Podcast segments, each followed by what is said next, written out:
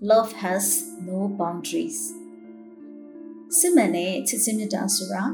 နေနမိတ်သတ်မှတ်တာကိုလုံးဝလက်မခံပါဘူးပြောရရင်စစ်မှန်တဲ့ချစ်ချင်းမြတ်တာဟာနေနမိတ်မဲ့ဖြစ်ပြီး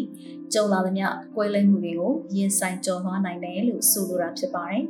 ဒါဆိုအချစ်စစ်မှာရောတကယ်ပဲနေနမိတ်တွေရှိလားဆိုတာသိချင်စရာကောင်းလှပါတယ်လူသားတွေဟာအချစ်ကြောင့်ပဲအရာအလုံးကိုစွန့်လွှတ်ရမယ်လို့တော့မဆိုလိုပါဘူး ဒါပေမဲ့လည်းအချစ်မှာနေနမိတ်တွေကရှိနေနိုင်တယ်လို့ရှိလဲရှိသင့်ပါတယ်။ဘာလို့လဲဆိုတော့မိတ်ဆွေနဲ့အတူနောက်ထပ်ထူးခြားတဲ့လူသားတူကတကယ်ဆိုရင်လိုအပ်ချက်တွေလိုချင်တက်မှတ်မှုတွေညှော်လင့်ချက်တွေမတူညီကြတဲ့တီးခြားပုံကုနှစ်ဦးဖြစ်နေစေမို့လို့ပါပဲ။နယ်နိမိတ်တွေကပဲဒီမတူကွဲပြားတဲ့လူသားနှစ်ဦးတိဆောက်နေတဲ့ချစ်ချင်းမြတ်တာကိုကျမ်းမာကြံ့ခိုင်စေမှာဖြစ်ပါတယ်။နယ်နိမိတ်တွေဆိုတာက အရာတစ်ခုဟာဘယ်နေရာမှာပြည့်စုံသွားပြီးဘယ်နေရာမှာနောက်ထပ်အသစ်တစ်ခုအစပြုတယ်ဆိုတာကိုရည်ညွှန်းပုံဆောင်တာဖြစ်ပါတယ်။ပေါင်းတင်ဆက်ဆံရေးနယ်နိမိတ်လိုအရာမျိုးဆိုရင်ဒါကဘာကိုဖော်ပြတယ်လဲဆိုတော့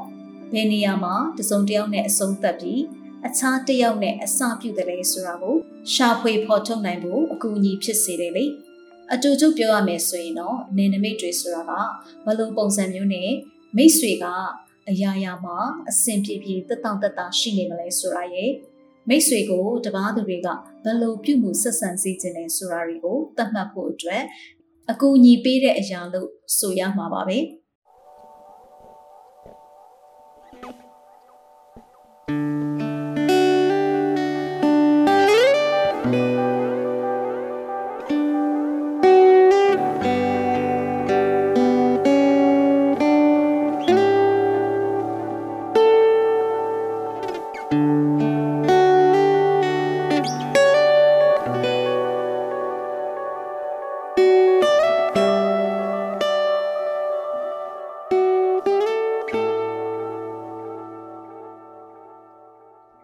ဆိုနေနမိတ်ဆိုတာဘယ်လိုမျိုးလဲလို့စူးစမ်းကြည့်စရာကောင်းပြန်ပါတယ်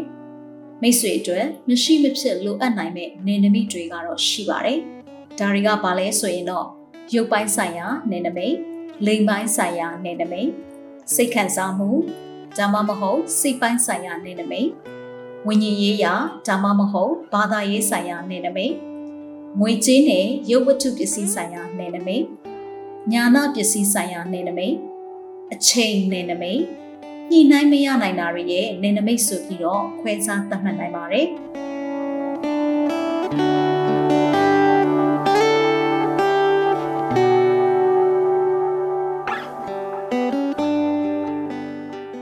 ဒါဆိုရင်နှစ်ဦးနှစ်ဖက်လူမှုဆက်ဆံရေးမှာတင့်မြတ်ကောင်းမွန်တဲ့နယ်နိမိတ်တွေကိုဘယ်လိုအချက်တွေနဲ့တိစောက်ကြရမလဲလို့တွေးချင်စရာကောင်းလာပါတယ်။ဒါကတော့ နယ်နိမိတ်တွေဟာမိတ်ဆွေနဲ့တပားသူရဲ့ဆက်ဆံရေးအတွက်ကောင်းမွန်အောင်လှုပ်ဆောင်ပေးတယ်ဆိုတာကိုနားလည်လက်ခံထားဖို့လိုပါတယ်။တပားသူစီကနေကိုလိုချင်တဲ့အရာတစ်ခုအတွက်ရိုးသားမှုရှိဖို့လိုပါတယ်။ကိုလက်တွဲပေါ်လိုအပ်နေတဲ့အရာတွေအတွက်လည်းနားထောင်ပေးဖို့လိုပါတယ်။ကိုအတွက်တကူရေးစိတ်ခံစားမှုလုံခြုံတဲ့ကိုရေးကိုယ်တာအဝမ်းအဝိုင်းတစ်ခုကိုလိုအပ်တယ်လို့သတ်မှတ်ဖို့လိုပါတယ်။ အခုလို COVID-19 ကပ်ရောဂါကြာရောက်နေတဲ့နေပယ်ထဲမှာကို့အတွက်ရောဘယ်လောက်တက်တောင့်တက်တာရှိနေမလဲဆိုတာစမ်းစစ်ဖို့လိုပါတယ်။တစ်ဖက်လူကိုဘယ်အခြေအနေမှမဆိုလေးလေးစားစားပြောဆိုဆက်ဆံဖို့လိုပါတယ်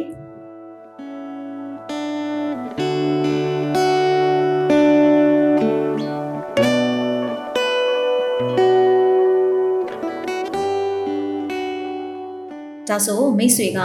ဒီလိုအချက်တွေကိုအပြည့်အဝမလိုက်နာမိခဲ့ရင်ဒါမှမဟုတ်ချိုးဖောက်ခဲ့ရင်တော့ဒါဟာတစ်ဖက်လူကိုဒီအပြုမှုကိုလက်မခံနိုင်ကြောင်းတွန်တင်ပေးလိုက်တဲ့နောက်ဆက်တွဲအကျိုးဆက်ဖြစ်သွားပါလိမ့်မယ်။နေနမိတ်ကန့်သက်တယ်ဆိုတာကိုယ့်လက်တွဲပေါ်ကိုတစုံတစ်ခုအပေါ်မိတ်ဆွေကဘယ်လိုခံစားရကြောင်းပြောလိုက်ရုံလေးကိုပဲဆိုလိုချင်တာမဟုတ်ပါဘူး။နေနမိတ်တွေတိုင်းမှာအကျိုးဆက်တွေရှိတယ်လေ။ ဒီတော့တစ်ဖက်လူကဒါကိုသဘောမပေါက်ရင်ဒါမှမဟုတ်သူကိုယ်တိုင်ကမကျင့်သုံးဘူးသေးရင်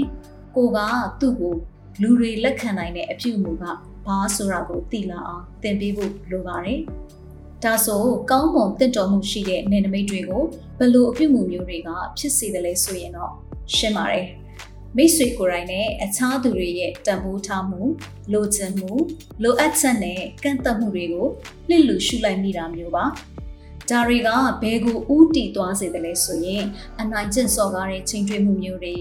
ချီရေးချီရာဆက်ဆံရေးနဲ့တခြားရိုင်းဆိုင်တဲ့ဆက်ဆံရေးမျိုးတွေပေါ်ပေါက်လာနိုင်ခြင်းများတဲ့အဆိုးဘက်ကိုပါပဲ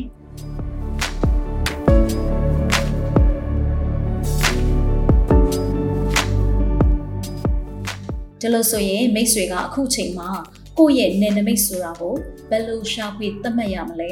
ပို့ပြီးတော့သိချင်လာပြီမဟုတ်လား ဒါကလည်းတိတ်မခတ်တာပါဘူးကိုကိုကိုအရင်ဆုံးဘယ်အကြောင်းအချက်တွေကကိုကိုအဆင်ပြေနေစေတယ်လဲဒါမှမဟုတ်အဆင်မပြေနေစေတယ်လဲဆိုတာကိုအာမနာတဲ့စစ်ကြောမင်းမြန်းကြည့်ပါဒါမှကိုယ့်အတွက်နယ်နမိတ်ဖြစ်တဲ့အချက်တွေထွက်ကောင်းထွက်လာပါလိမ့်မယ်အဲ့ဒီနယ်နမိတ်ဆိုင်ရာအကြောင်းအချက်တွေကကိုနဲ့ရင်းနှီးကျွမ်းဝင်လာပြီဆိုရင်တော့အဲ့ဒီအချက်တွေကကိုကိုကိုမကြာခဏတိုက်ဆိုင်တဲ့အခါတိုင်းမှာအချက်ပေးလာပါလိမ့်မယ် ဒီနယ်နမိတ်တွေကိုကိုယ်စိတ်ထဲမှာဂယုပြုပြီးအမြဲတစေထိမ့်သိမ်းထားနိုင်မယ်ဆိုရင်တော့ကိုကိုယ်တိုင်လည်းရက်တည်နိုင်မှာဖြစ်တယ်လို့တပားသူကနေနမိတ်ကြော်လာရင်လည်းအလွယ်တကူသတိထားမိအောင်အကူအညီပေးပါလိမ့်မယ်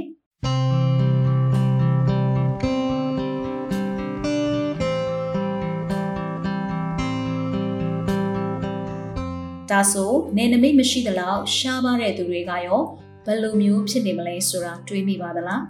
တေချာတာကတော့သူတို့တွေဟာလူသားဆန်ဖို့လိုအပ်မှုအမြင့်မားဆုံးအဆင့်ကိုရောက်နေပြီးတော့စိတ်ပိုင်းဆိုင်ရာဝေါဟာရအရာပြောမယ်ဆိုရင်သူတစ်ပါးအပေါ်ကုတ်ကဲ့ပြီးမိခိုအားထားမှုများတဲ့ဘက်မှာရှိနေတတ်ပါတယ်။အဲဒီလိုလိုအပ်မှုအမြင့်မားဆုံးအဆင့်နဲ့ကုတ်ကပ်မိခိုနေတဲ့သူတွေဟာအခြားသူတွေစီကမေတ္တာနဲ့ချစ်ခင်မှုကိုအလောအမင်းလိုအပ်နေပါလိမ့်မယ်။ဒီလိုသူတို့လိုချင်တဲ့ချစ်ချင်းမေတ္တာနဲ့ချစ်ခင်မှုတွေကိုရရှိဖို့အတွက်ဆိုရင် မိမိရဲ့ကိုယ်ပိုင်ဖြစ်တည်မှုကိုတော့မှစရီးပြီးတော့အခြားသူနဲ့တိဆောက်ထားတဲ့နေနမိတ်တွေကိုလည်းဟေရှားဖြစ်တတ်ကြပါတယ်။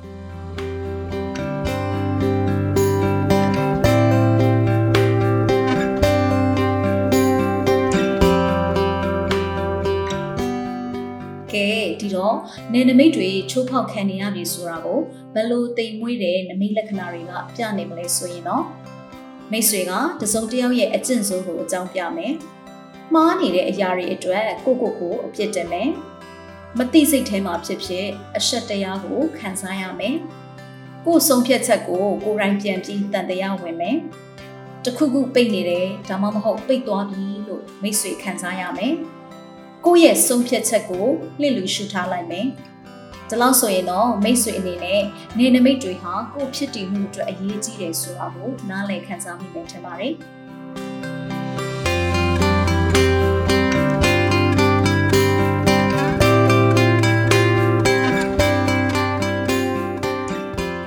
အဲ့ဒီတော့ကောင်းမွန်တဲ့ပေါင်းသင်းဆက်ဆံရေးတိုင်းမှာရှင်သန်နေထိုင်ဖို့အတွက်ကိုယ်ပိုင်နေနမိတ်တွေကအမတန်ကိုအရေးပါလာပါတယ်။ ဒါရီတာကိုမှရှိပြီးနေရာတကျထားနိုင်မယ်ဆိုရင်ကိုယ့်ရဲ့လိုအပ်ချက်နဲ့ဆန္ဒတွေရဲ့အကျိုးဆက်တွေကိုမကြောက်ဖဲရှင်းရှင်းလင်းလင်းပြပြတသားဆက်သွယ်နိုင်စေမယ်။ဒါအပြင်တခြားသူတွေကကိုယ့်ကိုအခွင့်ကောင်းမယူဖို့ဒါမှမဟုတ်ကိုယ့်ကိုနစ်နာလာစေမယ်ဆိုရင်ခွင့်မပြုဖို့အတွက်ကန့်သက်ချက်တွေကိုသတ်မှတ်ရမှာအသုံးဝင်လာပါတယ်။မိတ်ဆွေလိုချင်တာဒါမှမဟုတ်လိုအပ်တာကိုတောင်းဆိုပိုင်ခွင့်မရှိဘူးလို့ယူဆတဲ့အတွက်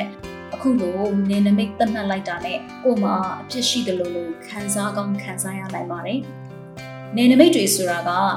ဒီလိုဆိုဒီသဘောတက်ရောက်တယ်။ဒီလိုဆိုမှားတယ်လို့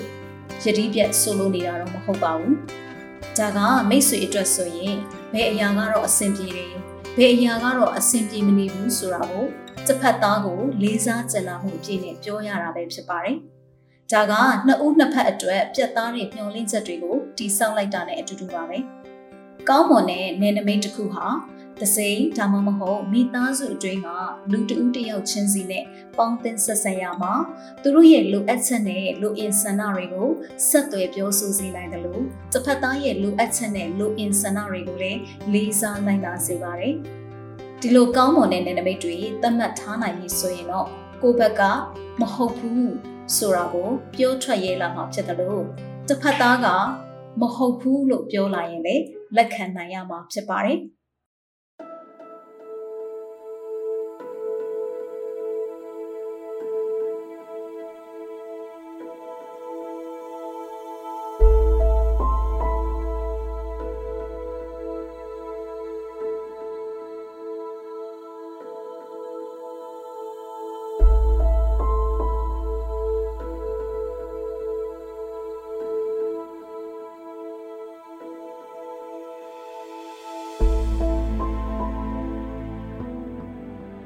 ဒီတော့ပြန်ချုပ်ရရင်အချစ်ဆိုတာတစုံတရာနဲ့ပဲဒါမှမဟုတ်တစုံတယောက်နဲ့ပဲသက်ဆိုင်တယ်လို့မကန့်သက်ထားတဲ့အတွက်အချစ်မှာနေနမိတ်မရှိပါဘူးအဲ့ဒါကိုခွဲခြားသိမြင်နိုင်တဲ့တခုတည်းသောအရာကတော့မိတ်ဆွေတို့ကျမတို့ဟာတယောက်ချင်းစီအနေနဲ့အကြိုက်ချင်းလည်းမတူကြသလိုချစ်ချင်းမြတ်တာကိုပုံဖော်ရမှာလေကိုယ်ပိုင်ထူးခြားတဲ့နည်းလမ်းတွေရှိနေတဲ့စမြင်မဟုတ်ပါလား ဒါကြောင့်လည်းအချစ်ဆိုတာလူတွေကိုအတိတ်ပဲဖော်ဖို့ရုန်းကန်နေရစေဖြစ်တဲ့မောဟာရတစ်မျိုးဆိုတာဖြစ်ကောင်းဖြစ်နိုင်ပါတယ်အချစ်မှာလည်းနမိတ်မရှိပါဘူးအချစ်မှာအသက်အရွယ်ရှင်ကြီးမှုအကွာအဝေးစတာတွေထက်ကျော်လွန်ပြီးတော့မှအချစ်ဆိုတာဟာတည်ရှိနေတာဖြစ်ပါတယ်တကယ်တော့အချစ်ဆိုတာဟာအချိန်ကိုကျော်လွန်ပြီးတော့မှတည်ရှိနေတဲ့ music တစ်ခုပဲဖြစ်ပါတယ်အချစ်ဆိုတာအကန့်အသတ်မရှိတတဝါအားလုံးရဲ့မူလအမြင့်ပဲဖြစ်ပါတယ် မြတ်စွာဘုရားရဲ့အခြေခံအုံမြင့်အဖြစ်ဘုရားသခင်ရဲ့နှလုံးသားအဖြစ်အချစ်ကတည်ရှိနေတတ်ပါတယ်အချစ်ကစัจ java လာမှာအပြင်းထန်ဆုံးစွမ်းအင်လို့လည်းပြောလို့ရပါတယ်အချစ်ကစัจ java လာရဲ့ချိန်နှုန်းဆိုရင်လည်းမမှားပါဘူး love frequency 5 to 8 hertz ရဲ့တုံခါမှုဟာအလွန်အားကောင်းပြီးတော့ DNA တိစောက်ပုံတွေကိုလည်းပြန်လည်ပြုပြင်ပေးနိုင်ပါတယ်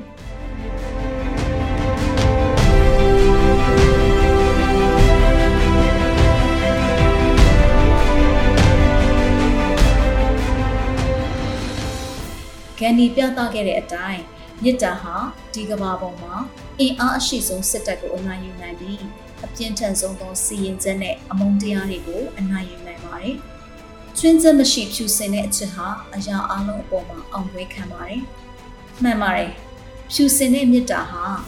သူ့ရဲ့လမ်းကြောင်းပေါ်မှာရှိတဲ့အရာအလုံးကိုအရေးပြောစေနိုင်ပါတယ်။ဒီတော့အချစ်ကလမ်းဖြစ်တယ်။အချစ်ဟာလမ်းကြောင်းလည်းဖြစ်တယ်။ ကျမတို့ဟာဘဝခရီးမှာခရီးသည်တွေဖြစ်ကြပြီးတော့အချိန်တိုင်းမှာချွင်းချက်မရှိတဲ့ချစ်ချင်းမြတ်တာနဲ့ကျမတို့တွေအချင်းချင်းကြားကလာတဲ့အရာအလုံးကိုဟေရှားပြနိုင်တာဖြစ်ပါတယ်။တကယ်တော့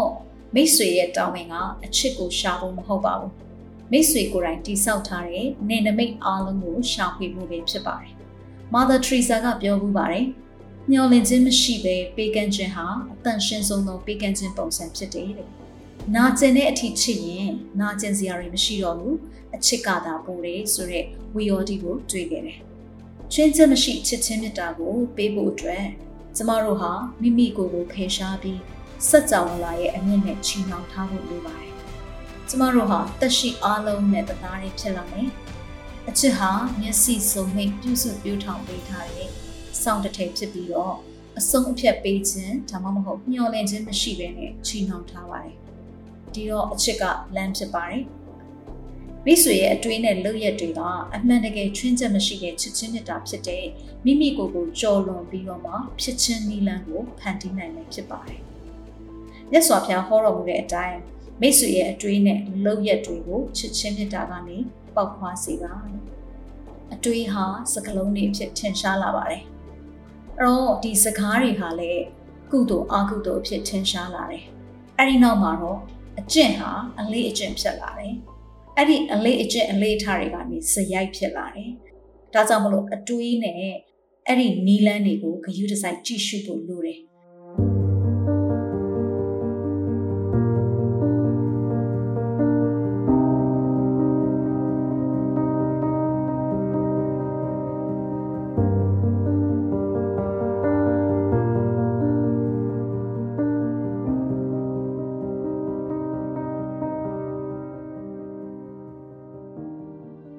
မိတ်ဆွေတို့ရေကျမအခုပြောသွားတဲ့အကြောင်းအရာတွေကတော့တဦးနဲ့တဦးချစ်ချင်းမြတ်တာတိဆောက်တဲ့အခါမှာရှိလဲရှိတဲ့နဲ့ရှိလဲရှိနေတတ်တဲ့နေနမိတ်တွေရဲ့အရေးပါပုံကိုဆွေးနွေးပေးသွားတာဖြစ်ပါတယ်။ဘာကြောင့်ဒီအကြောင်းအရာကိုဆွေးနွေးရတယ်လဲဆိုရင်ကျမတို့မတန်ဆွမ်းလူမှုလောကမှာဆိုလို့ရှိရင်လေအထူးသဖြင့်မတန်ဆွမ်းလူငယ်တွေဟာချစ်ချင်းမြတ်တာတိဆောက်ဖို့အတွက်အကန့်အသတ်အတားအဆီးနေနမိတ်ပေါင်းများစွာကိုကြော်ဖြတ်နေကြရတာဖြစ်ပါတယ်။ တချို့တွေကတော့ဒီနေနမိတ်တွေကိုကြော်လွန်ပြီးတော့မှသူတို့လိုချင်တဲ့ပန်းတိုင်ကိုရောက်လှမ်းနိုင်ခဲ့ကြပေမဲ့အထူးသဖြင့်မတန်ဆွမ်းလူငယ်တွေမှာချစ်ချင်းမြတ်တာနဲ့အိမ်ယာထူထောင်ဖို့အတွက်စူးစမ်းအားထုတ်ကြရတဲ့အခါမှာကန့်သက်ချက်တွေနေနမိတ်တွေအတားအဆီးတွေကအတော်လေးကိုများနေတာကိုတွေ့မြင်ရပါတယ်။အဲ့တော့ကျမအနေနဲ့ဒီလူငယ်တွေရဲ့အတန်တွေကိုဖော်ထုတ်ပေးခြင်းနဲ့ သူတို့မှာချစ်ချင်းမြတ်တာနဲ့မတန်ဆွမ်းမှုခြားကလွန်ဆွဲနေရတဲ့အနေနမိတ်တွေဟာဘာတွေဖြစ်နေနိုင်မလဲပြီးလို့ရှိရင်လူငယ်တစ်ပါးကချစ်သူရေးစားရှာဖွေတဲ့အခါဒါမှမဟုတ်အိမ်ယာထူထောင်ဖို့လက်တွဲပေါ်ရှာဖွေတဲ့အခါမှာကြုံတွေ့ရမှုတဲ့အကြောင်းအရာတွေကိုလည်းတင်ဆက်ပေးချင်တာဖြစ်ပါတယ်။ကျမတို့တွေကမတန်ဆွမ်းလူမှုအတိုင်းအဝန်အတွက် ပုံမကောင်းမွန်တဲ့အရွေးတစ်ခုကိုတည်ဆောက်နိုင်ဖို့အတွက်ဆိုရင်ဒီချစ်ချင်းမြတ်တာဟာအမတန်အရေးကြီးပါတယ်။ချစ်ချင်းမြတ်တာမရှိဘဲနဲ့ဘယ်အရာမှဖြစ်တည်မလာနိုင်ပါဘူး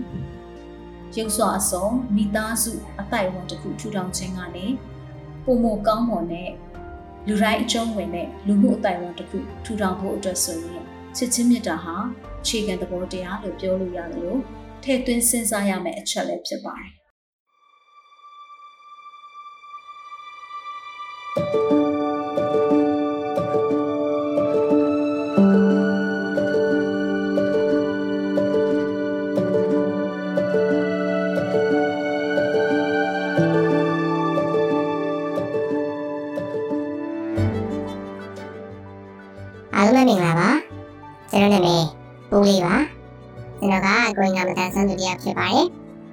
ရှိမှာတော့ NGO ဖွဲ့စည်းတစ်ခုမှာတာဝန်ထမ်းဆောင်နေပါတယ်ပြီးတော့ကျွန်တော်ကအာ single တယောက်ဖြစ်ပါတယ်ဒါနဲ့ကျွန်တော်မှာ relationship ရှိပါတယ်အာပြောရရင်စစ်စစ်ရှိပါတယ်ကျွန်တော်မှာကောင်းမလေးရှိပါတယ်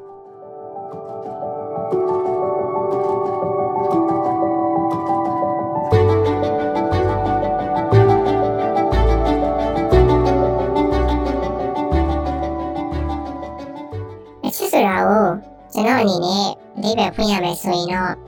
အဲကျွန်တော်အတွက်တော့အချစ်ဆိုတာက energy တစ်ခုပဲဗျကျွန်တော်အဲ့လိုပဲအဓိပ္ပာယ်ဖွင့်ပါမယ်ခြားသူတွေကတော့အမျိုးမျိုးတော့အဓိပ္ပာယ်ဖွင့်ကြတာပဲပေါ့နော်ဒါကြီးဆရာကြီးဆိုလေမျိုးစုံအဓိပ္ပာယ်ဖွင့်ကြပါတယ်အဲ့တော့ကျွန်တော်အတွက်တော့အချစ်က energy ပါပဲဘာလို့လဲဆိုတော့ဟိုကျွန်တော်ကခွင့်ကမတန်ဆန်းသူတယောက်ဖြစ်တယ်ပေါ့နော်ဒါကြောင့်လို့ဟိုရေးရပြောပြတာပါအဲ ကိုင်ကမတန်ဆန်းတယောက်ဖြစ်တယ်ဆိုတဲ့ခါကျတော့ကျွန်တော်ဒီပုံမှန်အခြေအနေမှာဆိုရင်အဲဥပမာထားတော့ကျွန်တော်သွားနေကြမဟုတ်တဲ့နေရာတစ်ခုကိုသွားရမယ်ဆိုလို့ရှိရင်ကျွန်တော်အရင်ဆိုရင်သိများပါတယ်အဲနေရာကကျွန်တော်မတန်ဆန်းမှုနဲ့သွားလို့ဆင်ပြေပါမလားဆက်စီပဲဖြစ်ပါမလားခက်ခဲနေကြုံနေနိုင်လားစသဖြင့်ပေါ့နော်မလိုင်းကစီးသွားရမယ်ဆိုလို့ရှိရင်လိုင်းကားတွေကအဆင်ပြေပါမလားစသဖြင့်အဲ့လိုစိုးရင်ပူပန်မှုတွေရှိရယ် ပြီးတော့ဟိုမရေဘူးပေါ့နော်မသွားရေဘူးပေါ့အဲ့လိုအရင်စိတ်နဲ့နေရဆိုရင်ဒါပေမဲ့အဲ့ဒီအရင်စိတ်နဲ့နေရတစ်ခုမှာကျွန်တော်သွားလေသွားထားမရှိတဲ့နေရာတစ်ခုမှာကျွန်တော်ကောင်မလေးနဲ့ချိန်ထားတယ်ဆိုရင်ကျွန်တော်ရအောင်သွားတယ်ဟဲ့ဟာဒါတော့ဟိုရည်စရာလို့မြင်ကောင်းမြင်လိမ့်မယ်ပေါ့နော်အဲဒါမှမဟုတ်ကျွန်တော်တို့တော့အချစ်က energy လို့ပြောပါတယ်ဘာလို့လဲဆိုတော့ကျွန်တော်မလုပ်ရတဲ့အရာတွေ ကျွန်တော်စိုးရင်ကြောင်းကြတဲ့စိတ်တွေဒါတွေအကုန်လုံးကိုချစ်ကဖိရှားပေးပါတယ်ခုနကပြောသလိုပေါ့နော်ကျွန်တော်နေရာဖူးတဲ့နေရာတွေကိုယ့်ကိုတယောက်တည်းသွားရင်တော့မှအဆင်ပြေပါမလားလို့စိုးရင်နေတဲ့နေရာတွေကိုကမလေးနဲ့ချိန်ထားတယ်ဆိုရင်အဲ့နေရာကိုမရောက်ရောက်သွားပါတယ်ဘယ်လိုခက်ခဲပဲရှိရအောင်သွားပြပါတယ်ဟဲ့ဒါတော့ကျုံလို့ပြောပြတာပေါ့နော်အဲ့တော့ကျွန်တော်တို့တော့ energy ပါပဲပြီးတော့ဒါကတော့ကြီးတရားပြောလိုက်တာပေါ့နော် တကယ်လည်းဘဝအတွက်ဆိုလို့ရှိရင်လေကျွန်တော်ဘဝရှေ့ဆက်ဖို့အတွက်ဒီမျိုးရင်းချက်ဒီပြီးတော့ကြိုးစားခြင်းစိတ်ဒီနော်ဒါပုံမှန်အားဖြင့်တော့မကြိုးစားရတာမဟုတ်ပါဘူးပုံမှန်အားဖြင့်တော့ကြိုးစားပါဘာလို့လဲဆိုတော့ပုံမှန်လေးကိုယ့်ရဲ့မိသားစုရှိသေးအောင်ရှိသေးတော့ပုံမှန်အားဖြင့်လည်းကြိုးစားပြပါတယ်ဒါပေမဲ့စစ်သူရှိလာတဲ့ခါကျတော့ပို့ပြီးတော့ ပြည့်နေနှစ်ဆသုံးဆလောက်ပို့ကြိုးစားခြင်းဘာလို့လဲဆိုတော့စစ်သူရဲ့ချင်းကြီးမှုအားကိုးမှုလေးစားမှုဒါတွေကိုကျွန်တော်တို့ယူရှင်းကြတယ်ဒါကတော့ကျွန်တော်မှအရင်မဟုတ်ပါဘူးနော်ယောက်ျားလေးတိုင်းတော်တော်များများအဲ့လိုမျိုးခံစားချက်ရှိပါတယ်ဒါတော့ဟိုထပ်ပြီးတော့စကားစစ်ပြီးတော့ထပ်ပြောရမယ်ဆိုလို့ရှိရင်တော့ တောင်းရင်မှုတောင်းခံမှုရှိတဲ့ယောက်ျားကြီးလို့ပဲပြောရမှာပေါ့နော်အဲ့တော့ယောက်ျားလေးတိုင်းလို့မဆိုလိုပါဘူးယောက်ျားလေးတိုင်းတော့မဆိုလိုဘူးနော်အဲ့တော့တော်တော်များများတော့ဒီလိုပဲကိုချစ်သူရဲ့လေးစားတာနော်ခုနပြောသလိုအားကိုးတာထင်ကြီးတာဒါတွေကိုခံနေကြရတယ်ဗျပြီးတော့ကောင်မလေးဘက်ကမိဘဆွေမျိုးအတိုင်းဝိုင်းပေါ့နော်သူတို့ရဲ့ယုံကြည်လက်ခံမှုပေါ့ဒါကလည်းအရေးကြီးသေးတာဆိုတော့ကျွန်တော်တို့ရဲ့နိုင်ငံမှာက တခြားနိုင်ငံတွေလိုမဟုတ်ဘူးလေအိမ်နာတစ်ခုပြုတော့မယ်ဆိုရင်ဘလောက်ပဲအသက်ပြည့်ပြီးပြီဖြစ်စီအသက်ကျော်နေပြီဖြစ်စီနောက်ဆုံး40ကျော်50ဖြစ်နေပါစေအောင်ဒီကအုတ်ထင်းသူရှိရဆိုရင်အုတ်ထင်းသူရဲ့သဘောဆန္ဒကိုအရင်ဆုံးတောင်းခံကြရတယ်ကျွန်တော်မြန်မာလူမျိုးတွေရဲ့ကျွန်တော်နိုင်ငံကလူမျိုးတွေရဲ့ကလေးကြီးပေါ့နော်တောင်းခံကြရတယ်နောက်ဆုံးလုံးဝ သဘောမတူဘူးဆိုတဲ့အခြေအနေရောက်မှသာခိုးပြေးကြတာဒါတကယ်တော့ပေါ့နော်အရင်ဆုံးတော့လက်ဖန်ပြီးပါတည်ပေးကြတယ်မိချက်တွေတောင်းကြတယ်ယောက်ျားလေးဆိုလို့ရှိရင်လည်းကောင်မလေးဘက်ကမိဘကိုသဘောကျတာကိုယုံကြည်လက်ခံတာကိုရန်လို့ချင်းကြဆိုတော့ဒါကြောင့်မလို့ကျွန်တော်တို့တွေကစူးစမ်းကြတယ်ပုံမှန်တက်လက်စသုံးစားတော့ပို့ပြီးစူးစမ်းကြတာနော်ကိုမိသားစုနဲ့မှာကိုကဒါတော့အလုံးမလုံးခဲနဲ့အိမ်နေအောင်တော့ နော်ကိုမိဘကိုမိသားစုကပြပြောမှမဟုတ်ဘူးအဲဒါပေမဲ့ခုနလိုကိုရဲ့အာစစ်လို့ရှိလာပြီနော်ဒီအတွက်စစ်သူနဲ့ပတ်သက်တဲ့မိဘအတိုင်းအဝန်ဆွေးနွေးတာဝန်ရှိတာသူတို့တွေကြတော့နေနေမှာမဟုတ်ဘူးနော်ပြောမှာပဲအာနေကောင်းကြီးကလည်းလည်းမလုပ်ဘူးအပြင်းထူနေရလားစသဖြင့်ဒီနဲ့ဘယ်လိုစဉ်ဆက်လက်တွဲမှာလဲစသဖြင့်ဒါမျိုးတွေမြင်နိုင်ကြတယ်မြင်တတ်တယ်ပေါ့နော်ဆိုတော့ဒီအတွက်ကျွန်တော်တို့ယောက်ျားလေးတွေဒီ ပို့ပြီးတော့စူးစမ်းကြရတယ်ပေါ့နော်အဲ့တော့ကိုယ့်ရဲ့စစ်သူနဲ့ကျင်အောင်ပြုနိုင်မှုအတွက်ပေါ့နော်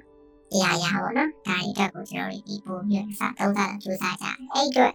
အဲ့ဒီနေရာမှာလေကျွန်တော်တို့အတွက်ခွန်အားတွေလိုပါတယ်စိတ်သက်ခွန်အား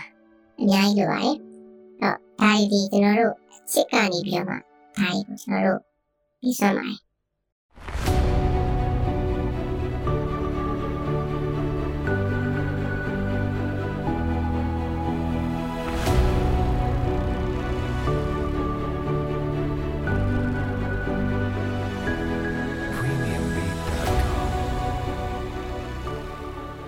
ဒါကြောင့်မလို့အချက်ဒီကျွန်တော်တို့ဆိုရင် energy လို့ပြောပါတယ်အရာရာအတွက်ပေါ့နော်ကျွန်တော်တို့မြောက်ဘဝရှစ်ဆက်ဖို့အတွက်ဒီရနေမှာကျွန်တော်တို့ခွန်အားယူရတယ်ခါလေးပြင်မဲလို့တော့ဟိုအရာရာကိုလွှတ်ချလိုက်ချင်လောက်အောင်ပြင်မဲခဲ့တဲ့အချိန်လေးရှိခဲ့ရင်တော့မှအငါမှရှိရှိနေပါလားဆိုတဲ့စိတ်နဲ့ပြန်ပြီးတော့ခွန်အားပြန်ယူရတယ်ပြန်ကြိုးစားရတယ်ပေါ့ဆို တော့ဒါဒါကြောင့်မလို့အ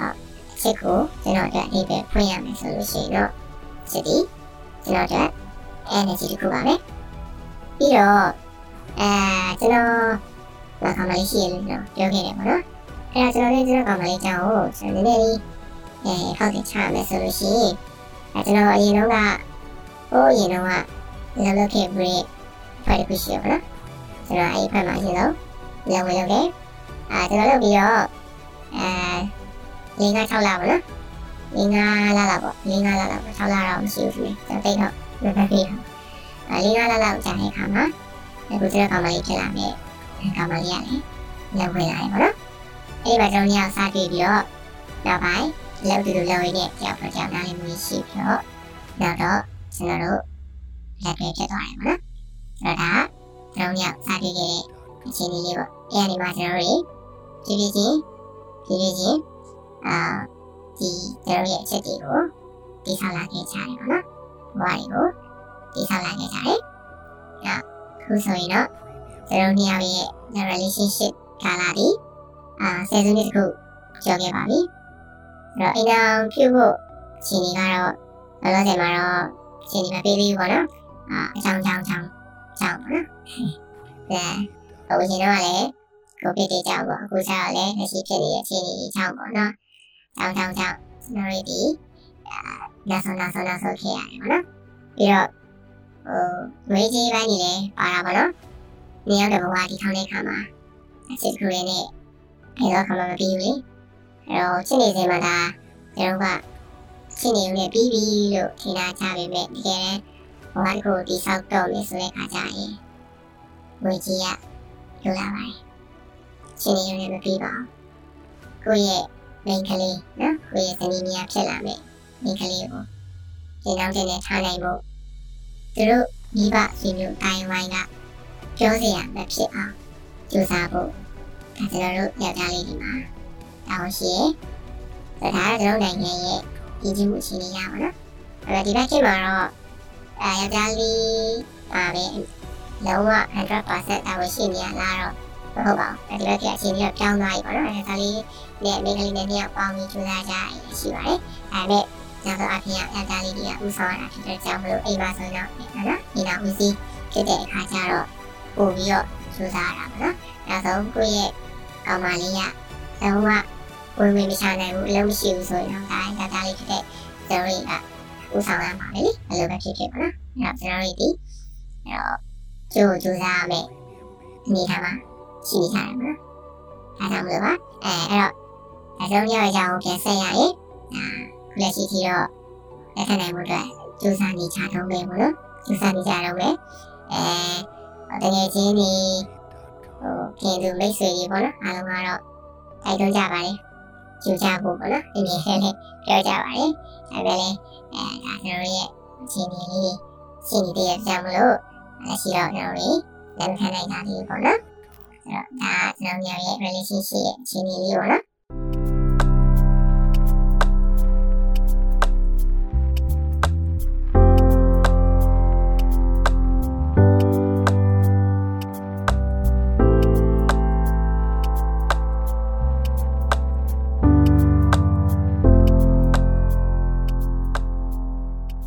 အဲ့တော့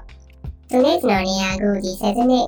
ကာလတစ်ခုကြော်ဖြတ်လာခဲ့ပြီးပြီ။ အဲကျွန်တော်ညရဲ့အခြေဒီလမ်းကြောင်းမှာဆိုရင်ပေါ့လေ။ဒါအများကြီးအဆင်ပြေနေရလို့လည်းမဟုတ်ပါဘူး။ဒါတော့နေပင်မတူတဲ့နော် background အခြေခံတွေမတူတဲ့အဲစိတ်ခံစားချက်တွေမတူကြတဲ့လူမျိုးရောက်အောင်ကြည့်ကြတဲ့အခါတွေ့ဆုံကြတဲ့အခါမှာဟိုအများကြီးတော့ဘယ်လိုမှအဆင်မပြေနေနိုင်ဘူးလေ။ကျွန်တော်တို့ရတဲ့ခါလေးကြရင်ကိုယ့်ကိုတယောက်ခဲနေတော့မှာပဲကိုယ့်ကိုယ်နဲ့ကိုယ်စိတ်နေတော့မှာအဆင်မပြေဖြစ်တတ်ကြသေးတာပဲ အဲ့တော့ခြားသူနဲ့ဆိုကိုဆိုရယ်အဆင်ပြေရရောရှိကြရပါဘောနော်စိတ်ဆိုးစိတ်ကောက်တာကြီးရှိခဲ့တယ်ပြက်လူနီနီအထီတော့ဖြစ်ခဲ့တာကြီးရှိခဲ့တယ်ပေါ့နော်အဲဒါပေမဲ့ဒီလိုပဲပေါ့ဟိုအချိန်လေးတွေကိုပြန်ပြီးတော့မှဟိုတတိနဲ့ပေါ့နော်ပြန်ထိန်ပြန်ထိန်ပြန်ထိန်ကြောင်းရင်းနဲ့ပဲဒီဆယ်စနစ်ကြော်ကားတာတစ်ခုကိုရောက်လာခဲ့ကြတာပေါ့နော်။လက်ရှိမှာတော့အာအစီပါတယ်။အဲအဆင်ပြေနေရပါတော့။ကျွန်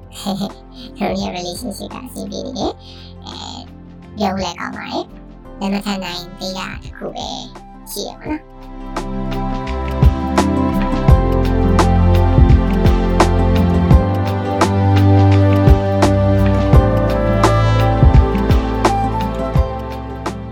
အဲ့တော့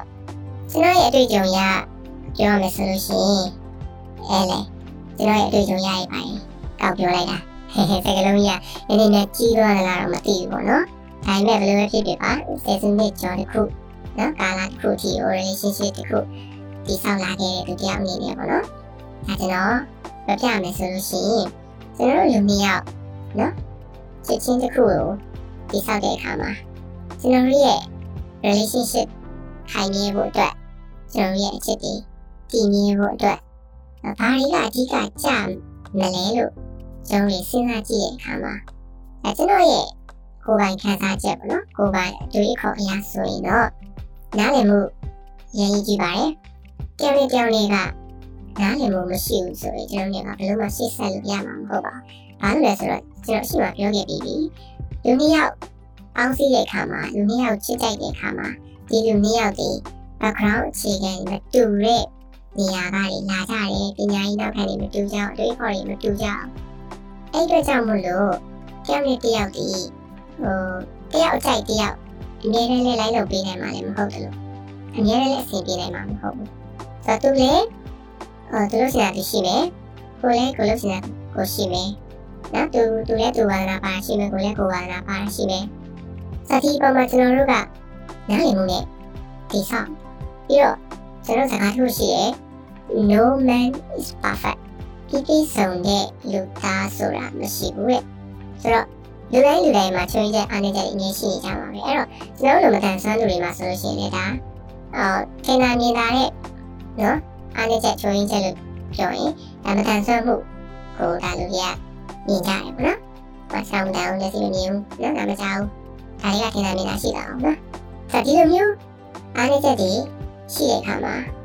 ဒါကိုလက်တွဲမဲ့မိန်းကလေးဆိုရင်ဒီမိခုရဲ့မတန်ဆွမ်းမှုချင်းတွေကိုသူ့အနေနဲ့ကနားလည်ပေးထားတယ်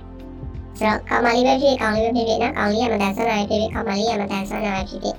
ဒါမှမဟုတ်မတန်ဆွမ်းအချင်းချင်းပဲဖြစ်ဖြစ်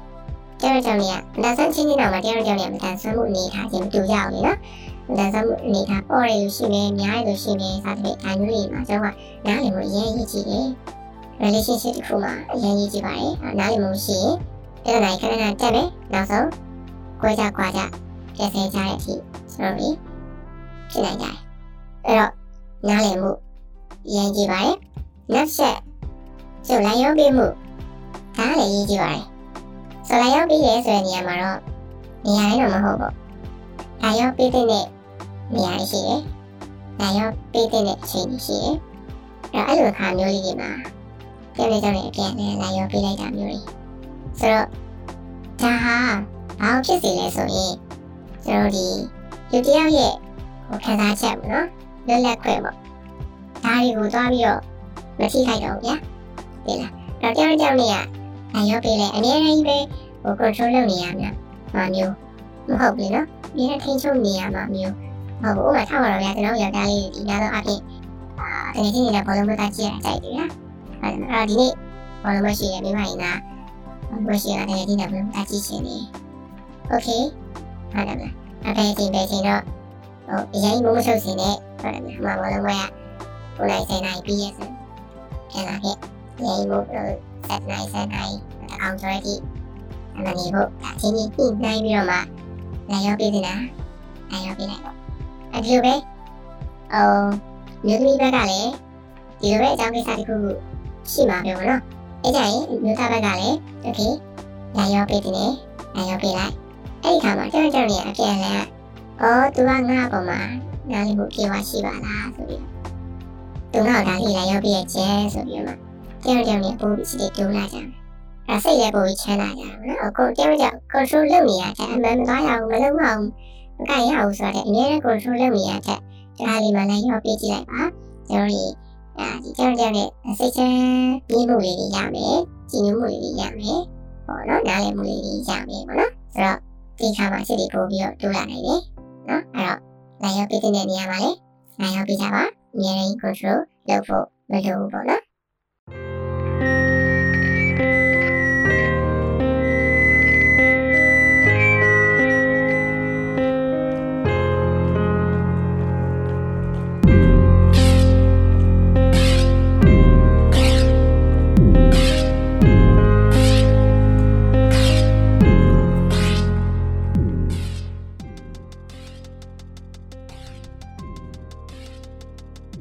နောက်ပြီးတော့အာ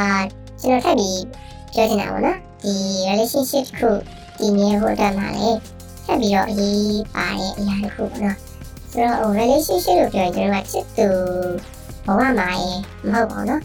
အိမ်အောင်ကြသွားပြီဆိုရင်လေအရင်ကြီးကြည့်ပါလေတချို့တော့ဟိုဇုံတွဲတွေဒီချစ်သူဘဝမှာတော့နော်သမီးသားဘဝမှာတော့အိုးချစ်ပြလိုက်တာရူပြလိုက်တာဒါပေမဲ့ အိမ်အောင်ကျသွားတဲ့အခါမှာဒါပေမဲ့အိမ်အောင်ကျသွားတဲ့အခါမှာဒီဒီစိတ်ရမရှိကြတော့အဲကျွန်တော်တို့လူသားတွေကချိန်ကြတယ်ဗျအိမ်အောင်ကျသွားရင်ပြီးသွားပြီဘဝကြီးကဆုံးသွားပြီအဲအိမ်အောင်ကျသွားရင်ပြီးသွားပြီတာကြမလို့တော့အဲရပြီငါတို့ဒီတိုင်းပဲအိမ်အောင်ကျသွားရင်ငါတို့ကရဆုံးသွားပြီအော်ဒီခက်လည်းဘာမှထပ်ပြီးတော့လူနေကြမလို့တော့စိတ်ကူးရည်နေကြမလို့တော့အဲ့လိုတွေးတတ်ကြရတဲ့ဆိုတော့ကျွန်တော်အတွေ့အကြုံကျွန်တော်အမြင်အရဆိုတော့မားတယ်လို့ကျွန်တော်ပြောချင်တယ် မဟုတ်ဘူးဗျကျွန်တော်တို့ကအိမ်တော်ပြုတ်လိုက်တာဟာကျွန်တော်ဘဝဆုံးသွားတာမဟုတ်သေးဘူးနော်ကျွန်တော်တို့ရဲ့ဘဝတစ်ခုအစ်စ်စလိုက်တာနော်အစ်စ်စလိုက်တာကျွန်တော်တို့ကောင်မလေးတယောက်နဲ့တမိသားဖြစ်တယ်ဆိုပါစို့တမိသားဖြစ်တဲ့အဖြစ်တဲ့အချိန်မှာဒါအပြောင်းလဲတစ်ခုလीနော်ကျွန်တော်တို့အာငကုံလုံးကတယောက်ချင်းနေနေရနေပြီးမှတမိသားဖြစ်လာတယ်တော့ငါမှချက်သူရှိလာပြီဆိုရင်အသေးလေးနဲ့အပြောင်းလဲတစ်ခုလေးဖြစ်လာပြီးမှ ဒီသမီးစားဆိုတဲ့တက်တန်းကိုစပြီးတော့ကောင်းခဲ့ပေါ်တယ်အဲ့ဒီချိန်မှာတယောက်တယောက်နဲ့လုံးဝ view တစ်ဆိုင်ရှိရတယ်တင်လားလုံးဝအာဒီလားဖြစ်ပြီးတစ်လားနှစ်လားသုံးလားလောက်ကြီးရလုံးဝ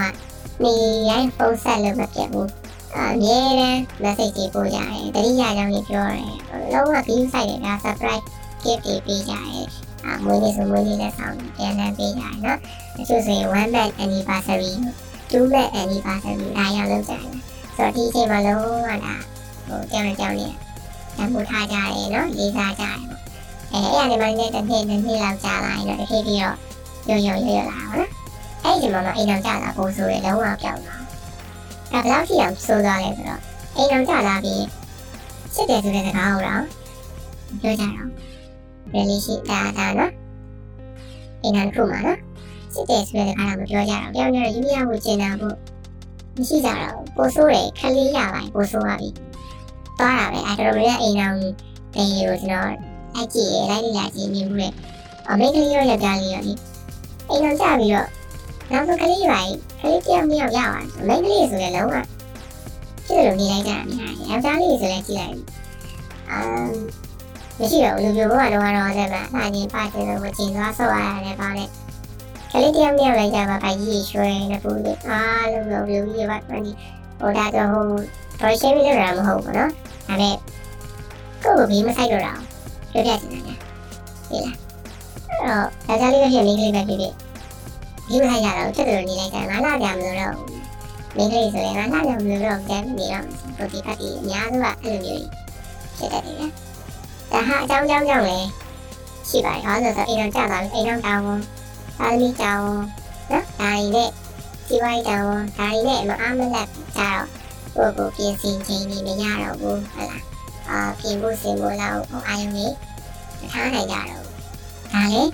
ဟုတ်ပါတယ်အဲ့ဒါကိုလေနားလည်ပေးပါတယ်ဖြစ်တတ်ပါတယ်ပေါ့နော်ဒါပေမဲ့အဲ့ဒီဂျာလီတွေကမှမှကျွန်တော်တို့ဒီတယောက်နဲ့တယောက်နဲ့ဘယ်လောက်ပဲအိမ်အောင်ကြကြဘယ်လောက်ပဲအတန်းလေးကြကြကျွန်တော်ရဲ့ချစ်ခင်မှုကျင်နာမှုတွေကိုကျွန်တော်အမြဲတမ်းပြသနေလို့ရတယ်အနည်းဆုံးတော့မိမရဲ့ချစ်လိုက်တာ ယောက်ျားရဲ့ချစ်လိုက်တာချစ်တယ်ဆိုတဲ့စကားလေးကိုတော့မကြမကြပြောပြီးနေလို့လို့ရတယ်ပြီးတော့တယောက်နဲ့တယောက်နဲ့အထီးအတွေ့လေးတွေပေါ့နော်ဟိုမှာမိမအမေချက်နေချင်းကလည်းတယ်ကအနောက်ကနေခါပြီးခါလေးဖက်ပြီးတော့အမေကဘာချက်နေရတယ်အာမိမချက်တဲ့အရင်ကပိုးလိုက်တာဆိုတာမျိုးလေးအဲ့ဒီမှာတော့မိမရရဲ့လှုပ်ရှုပ်ရကြတယ်ဘာလာလဲနေရတယ်ဆိုတာအဲ့လိုတော့မလုပ်ရဘူးနော်ဒါလည်းဦးလက်ဖက်ပေါ့နော်အဲ့ဒီမှာလည်းဦးလက်ဖက်အပြန်လန်က ခုနပြောတဲ့နားလည်မှုပေါ့နော်ဒါလေးကြောင်ကြောင်လေးအသားလေးကြီးရတယ်ဆိုမျိုးဒီသဆိုင်ကျင်နာမှုရှိမယ်အဲ့ဒီမှာမိန်းကလေးကြီးရတယ်အာဒါဒီဒီပေါ်မှာလိုက်ပြီးတော့စီမျိုးခံစားရမှာတော့ဘယ်လဲဟဲ့လှုပ်ရှုပ်နေရကြတယ်ဘာလာပြောနေလဲတတိမငယ်နဲ့ကလေးမဟုတ်လားဟုတ်အဲအိမ်တော်မဲ့တာနေပြီးဒါပြောနေတော့လားဆိုအဲဒါမျိုးတွေပေါ့နော်စတာမျိုးတွေကျွန်တော်ဒီမဟုတ်ပဲလေနော်ဒီလိုအမြင်တဲ့တဲ့ကားလေးပြောပြနေဖို့အဲကအရင်ကြီးပါတယ်ဒါကြောင့်မို့ဒါဒီလိုမျိုး ဒါတော့ relationship ကိုပြင်ရမှုဆိုလို့ရှိရင်နော်အခုပြောခဲ့တဲ့အရာလေးတွေကငြိမ်းကြီးကြည့်ပါတယ်ဒါကညဟိုအများကြီးထပ်ပြီးတော့ရှိတော့ရှိပါလေဦးမယ်နော်ကျွန်တော်လိုက်ပြီးတော့ဟိုနေလာစရာတွေနော်ကျွန်တော်တို့အဲ့ဒါကိုပြင်ရမှုအတွက်ထိမ့်သိမ့်ရမှာစောင့်ရှောက်မှာအများကြီးရှိပါတယ်ဒါပေမဲ့ဒါကျွန်တော်ဒီဒါပြောခဲ့တာကအော်နေပါတော့အဲ့လိုအရေးကြီးတဲ့ကျွန်တော်လည်းမဖြစ်မရှိမဖြစ်ရှိရမယ်အရာကြီးပေါ့နော်ဒါလည်းမှုနိုင်ရပြီမှုဒီ ဒီကြောင်ကြောင်နဲ့ထိတွေ့ဆက်ဆံမှုနော်ဒါလေးဒီနေ့စဉ်ဒါလေးဒီအမြဲတမ်းရှိနေရမယ်ပေါ့နော်ဥမာယောက်ျားအလုပ်ကပြန်လာပြီးမိမအာတော့ကအဲ့လိုကျိုးဆိုနေတာမျိုးပေါ့နော်လာပါလေပြီးကျိုးဆိုနေတာမျိုးမိမအလုပ်ကပြန်လာရင်လည်းယောက်ျားကမိမမိမကိုအာသိချမ်းသာအောင်ပေါ့နော် romantic ဆက်ဆက်ကျိုးဆိုနေတာမျိုးလေးအားဖြင့်ပေါ့နော်ဒါလေးတ ရားနဲ့တရားနဲ့ဟိုဘယ်တော့ပဲအိမ်အောင်ကြာကြာအိမ်အောင်တတန်းနေဘယ်တော့ပဲကြာကြာသမီးစားဘဝတော့မှလို့ပြောနေကြောင်းနဲ့တွေ့ရတော့မယ်ဟိဆိုတဲ့အချိန်မှာအမြဲတမ်းရင်ခုန်နေဖို့နော်အမြဲလိုပါတယ်ဆိုတော့ဒါလေးတွေပေါ့နော်ဒါလေးတွေကဆက်ဆက်ရေးကိုတည်မြဲဖို့အတွက်အဓိကကြမယ့်ရာလေးတွေဒါကျွန်တော်ဒီနေ့တော့မြင်ပါတယ်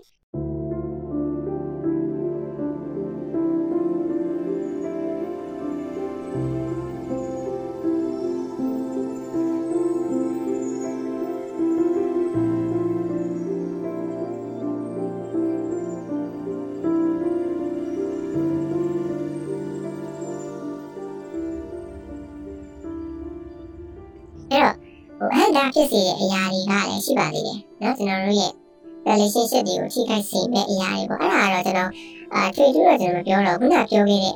အချက်တွေကိုကြောင်းပြန်လှမ်းလိုက်အဲကျွန်တော်တို့ relationship ကိုလုံးဝထိခိုက်ရဗျာနော်ခုနကနားလည်မှုကြောင်းကြောင်းလေးအပြည့်နဲ့နားလည်မှုရှိရမယ်ဆိုတဲ့နေရာမှာနားလည်မှုမရှိရင်သွားတာပဲလေဟုတ်တယ်မလားနားလည်မှုမရှိရင်ကြောင်းကြောင်းလေးအမြဲတမ်းစူပူနေပဲ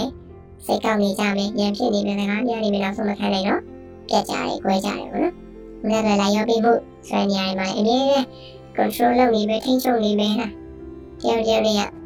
ရောက်ပြီးမှုတွေမရှိဘူး။အဲဒီခါမှာလေမခံနိုင်မခံနိုင်ခါပြက်ကြတာပဲ။နော်ခုနဒီနိုင်မှာဆိုလည်းဒီလိုပဲ။မြဲတမ်းထိတွေ့ဆက်ဆံမှုမရှိဘူး။နော်အာ romantic ဆန္ဒလေးတွေမရှိတော့ဘူးဒီနောက်မှာဆိုတော့နေ့စဉ်တာယာမှုပျော်ရွှင်မှုတွေမရှိတော့ဘူးအဲ့ဒီခါမှာအိမ်တော်ကြီးက6ကက်ပြီးတော့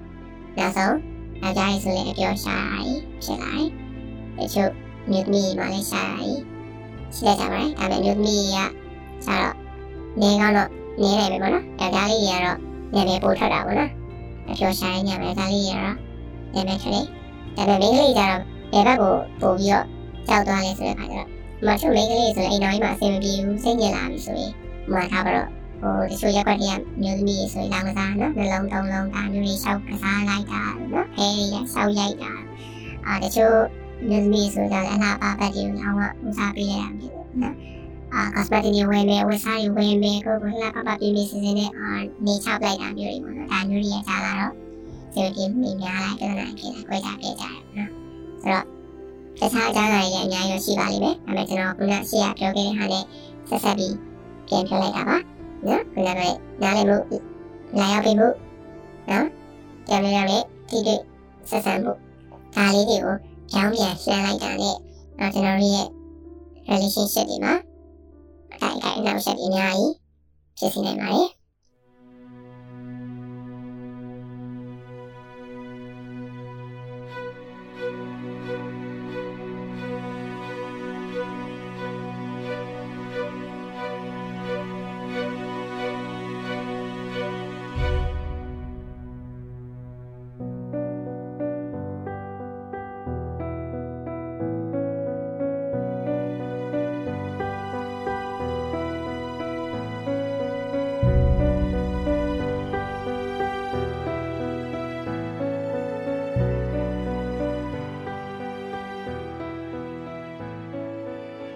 ကျွန်တော်နဲ့ကျွန်တော်ရဲ့ကောင်မလေးပေါ့နော်ကျွန်တော်ရဲ့ကောင်မလေးနဲ့ကျွန်တော်တို့ရဲ့အပြင်မှာဟိုချင်းတွေ့ကြတဲ့ဟဲ့တွေ့ကြုံလေးရောဒါဟုတ်တယ်ချမယ်ဆိုလို့ရှိရင်အဲကျွန်တော်တို့ယောက်ကဟိုစစပြီးတော့ကျွန်တော်တို့လက်တွေ့ဖြစ်တဲ့အချိန်မှာကျွန်တော်တို့ကဒီလုပ်ငန်းတစ်ခုရဲ့မလုပ်လို့ကြတာဟုတ်ဆိုတဲ့ခါကျတော့အများတော့ပုံမှန်တော့ပြည့်ပြည့်နေအောင်နော်ပြင်ရုံးစိမ့်ပြီးဆိုလို့ရှိရင်လေဟိုကဒီ မထားတော့အပေးတိုင်းပဲဖြစ်ဖြစ်ပေါ့နော်အာအပေးတိုင်းပဲဖြစ်ဖြစ်ပေါ့အဲ့လိုမျိုးလေးပါတွေ့တတ်တယ်နောက်ဆုံးကျွန်တော်ဘယ်လောက်ထိလဲဆိုလို့ရှိရင်ကျွန်တော်ဒီလမ်းပြီးဟိုဟာအုတ်ခုံလေးရှိတယ်လမ်းပြီးအုတ်ခုံလေးရှိတယ်ဒီလိုမျိုးပေါ့နော်အဲ့လိုညာစုတာပေါ့ထိုင်လို့ပြုလို့ရအောင်လုပ်ပေးထားတဲ့အဲ့လိုအုတ်ခုံလေးရှိအဲ့လိုနေရာမျိုးလေးတွေမှာလေအညာညာဆိုလို့ရှိရင်ထိုင်ပြီးတော့ကျွန်တော်ရုံစင်းပေါ့နော်ရုံစင်း ချိန်ဒီမှာစာပြီး6နာရီ7နာရီခွဲ9နာရီလောက်ထိထိုင်ပြီးတော့စကားပြောနေကြတာမျိုးတွေကြောင့်လေအတွေ့အကြုံတွေရှိခဲ့ဦးတယ်ပေါ့နော်ဒီမျိုးလေးဒါတော့ဟိုပြောမယ်ဆိုတော့ဟိုရည်ရလည်းကောင်းတယ်ပေါ့နော်ဟိုကြည်နူးစရာလည်းကောင်းတယ်ပေါ့အားလည်းဆိုတော့ရမ်းချွေတာကြတယ်သူများကြီးလိုဟိုဆိုင်ကြီးကနာကြီးတွေမှာမသွားကြဘူးပြီးတော့အဲ့လိုကစားဝင်နေပန်းကျန်တဲ့မှာရမ်း နာမည်ကြီးတဲ့နေရာကြီးလူသွားလို့လည်းအများကြီးနေရာကြီးကျွန်တော်တို့ကတော့မသွားရပါဟုတ်လဲဆိုတော့ဟိုချွေတာလည်းပါတာပေါ့နော်ချွေတာလည်းပါတယ်အဲတော့တောင်းတော့ကဟိုမလပိတိုင်းလိုဆိုင်တတိမျိုးလေးတော့ပဲထိုင်ပြတယ်ပေါ့နော်နောက်အဲ့လိုမျိုးပတ်စံမကုံနဲ့အဲ့လိုအများစုများအတွက်လုပ်ပေးထားတဲ့ဟိုခေါင်းလေးတို့ပန်းချက်လေးတွေတို့လူများမျိုးလေးမှာတွေ့ပြတာများရပါတော့အဲ့တော့ဟို ကျွန်တော်တို့မှာပထမအဆုံးကျူးကြကြချင်းတွေ့ရဆိုတာချက်ပေါ့နော်ဟိုအများနဲ့လူလူကြောင့်ကရုံစင်းနေနေတဲ့တွေ့နေကြတော့ရဲချင်းတွေ့နေတယ်လို့မျိုးတော့ဖြစ်နေရပါတော့အဲ့တော့ပထမအဆုံးဆိုတာထက်မမရရလေးပေါ့နော်မမရရအာတွေ့ဘူးတဲ့အခြေအနေလေးကိုပြောရမယ်ဆိုလို့ရှိရင်ဟိုကျွန်တော်ယောက်လို့ခီးသွားကြတာပေါ့နော်ခီးသွားကြရဆိုတာအလုပ်ကိစ္စနဲ့ခီးသွားကြတာပေါ့ ခီးသွားကြပြီးတော့တစ်ခွက်လုံးကြီးပေါ့နော်လို့လို့ပေါ့ခံပဲလေတစ်ခွက်လုံးကြီးခီးရသွားကြအဲဟိုကြတော့လုပ်ပြီးလုပ်ကြအောင်နော်ပြီးတော့အဲနားတဲ့ညတော့နားကြတော့နားကြတဲ့အချိန်မှာကျွန်တော်ကအဲမျိုးလေးမှာစောက်ကြည့်အောင်အဲ့တော့အဲကိုရောက်နေတဲ့မြို့ကလည်းတစ်ခါမှမရောက်ဘူးတဲ့မြို့စိန်ညာသူကကျွန်တော်တခါမှမရောက်ဘူးမြို့စိန်ဒါပေမဲ့နေရာကအိမ်ညပါလေအဲဟိုနောက်ဒီနားပဲဆိုပြီးတော့နေရာကလမ်းလျှောက် ခတ်ကြတာဗျာရှောင်းရှောင်းရှောင်းနေအဝေးကြီးရောက်ကုန်တာလားပြီးတော့အဲဟိုနေမြို့လေးဆိုလိုက်ဗျာပြင်မရန်ကုန်လိုအဲညအချိန်ကဒီဟန်ကြီးစီစီကားကားနဲ့ပြီးရောက်နေထိန်လေးမီစီကားနေရလို့လည်းမဟုတ်ဘူးပေါ့နော်ဟိုလူလေးကျွတ်ကျွတ်ကျဲကျဲပေါ့မိအောင်လေးကျွတ်ကျွတ်ကျဲကျဲဆိုင်လေးကျွတ်ကျွတ်ကျဲကျဲနဲ့အဲလိုမျိုးလေးဆိုတဲ့အခါကျတော့ဒါပေမဲ့အဲ့အချိန်မှာကျွန်တော်တို့ကကြောက်မှမလဲမသိဘူးဗျာသိလားဟဲ့ဟိုတော့ရပဲ လမ်းလျှောက်အဲ့လမ်းလျှောက်လျှောက်လျှောက်နေလျှောက်တာကြာလာလိုက်ဒီရနေရာလေးအုပ်ခုံလေးပါလေးအဲ့လိုမျိုးဝင်ထိုင်လိုက်နေတာပြောလိုက်ပါတော့အဲ့ဒါအဲ့လိုပဲပေါ့လျှောက်သွားလျှောက်သွားနဲ့နောက်ဆုံးတော့အာဆိုစီလေးလိုမျိုးရအဲ့နေရာလေးရောက်သွားအဲ့ဒီမှာဟိုဆိုင်ကလေး ဆိုင်ကလေးရတော့အာညအချိန်ဆိုတော့အကုန်လုံးတော့ပိတ်ထားပြီပေါ့နော်အိမ်ဒီအိမ်ဒီစီဆိုတော့ဆိုင်ကလေးလိုမျိုးရောနေအောင်ပြန်တယ်နော်စီးရဲမှာလူနေအိမ်ဒီနဲ့အဲ့တော့ဘောမျိုးလေးပေါ့တေချာမမှန်ပြီတော့အဲ့မှာကျွန်တော်ကအဲ့ဒီဆိုင်ပေါ့ဆိုင်လေးတစ်ဆိုင်ရဲ့ရှေ့မှာတော့ကိုပြတဲ့ဘောမျိုးလေးလောက်ထားတာရှိတယ်အဲ့ဒီမှာကျွန်တော်ကဝင်ထိုင်ပြီးတော့အဲ့ဒီမှာကျွန်တော်ကဝင်ထိုင်ပြီးတော့အာစကားပြောချတာပေါ့နော်အဲ့တော့ညာကြီးမချုပ်ဟို နေနေအစိမ်းမှာပါပြီးတော့ဝချောင်းပြီးတော့လူလဲသူလဲတိတ်ပြီးတော့စီလာလာလည်းမဟုတ်အဲ့လိုညာကြီးမှာသားပြောတယ်တော့ဒါအဲ့ပြီးတော့စကားကြီးပြောကြတာပေါ့နော်စကားလေးရလိုက်တာဟိုဘယ်ဘယ်ရအတွေ့အကြုံကြီးပေါ့နော်ဘာလဲဆိုတော့ဝချောင်းမယုံနေနော်ဟိုမဲ့ချိန်လို့ဆိုရင်တော့မှဒါဒီလိုမျိုးနေရာကြီးဆိုရင်ဒါအဲ့ဒီဟိုမတော်တာကောင်းတယ်နော်သစိမ်းနေရာလေးဖြစ်တယ်အဲ့လိုလူသူလဲနည်းနည်းရှားပြီပေါ့နော်ညချိန်ဆိုတော့အဲ့တော့ ဒါနဲ့အဲ့ချိန်မှာကျွန်တော်ကမချောင်းမယုံနော်ဒါကရှိမှကျွန်တော်ပြောတဲ့ချစ်ရဲ့ energy ပေါ့နော်မချောင်းမယုံနဲ့အဲ့လိုမျိုးညတဲ့အသားပြထိုင်စကားပြောခဲ့တာလေးအမှန်တော့တော်ထိုင်ကြရပေါ့ကြာကြီးစကားပြောပြကြရပေါ့နော်အဲ့လိုမျိုးလေးပေါ့ဆိုတော့ဒါလေးရလေဒါဟိုဆုံးရောက်တွေ့ခဲ့ရတဲ့အခြေအနေလေးတွေထဲရပါတော့။ဒါအမှတ်တရလေးတစ်ခုပြောပြပေးရအောင်နော်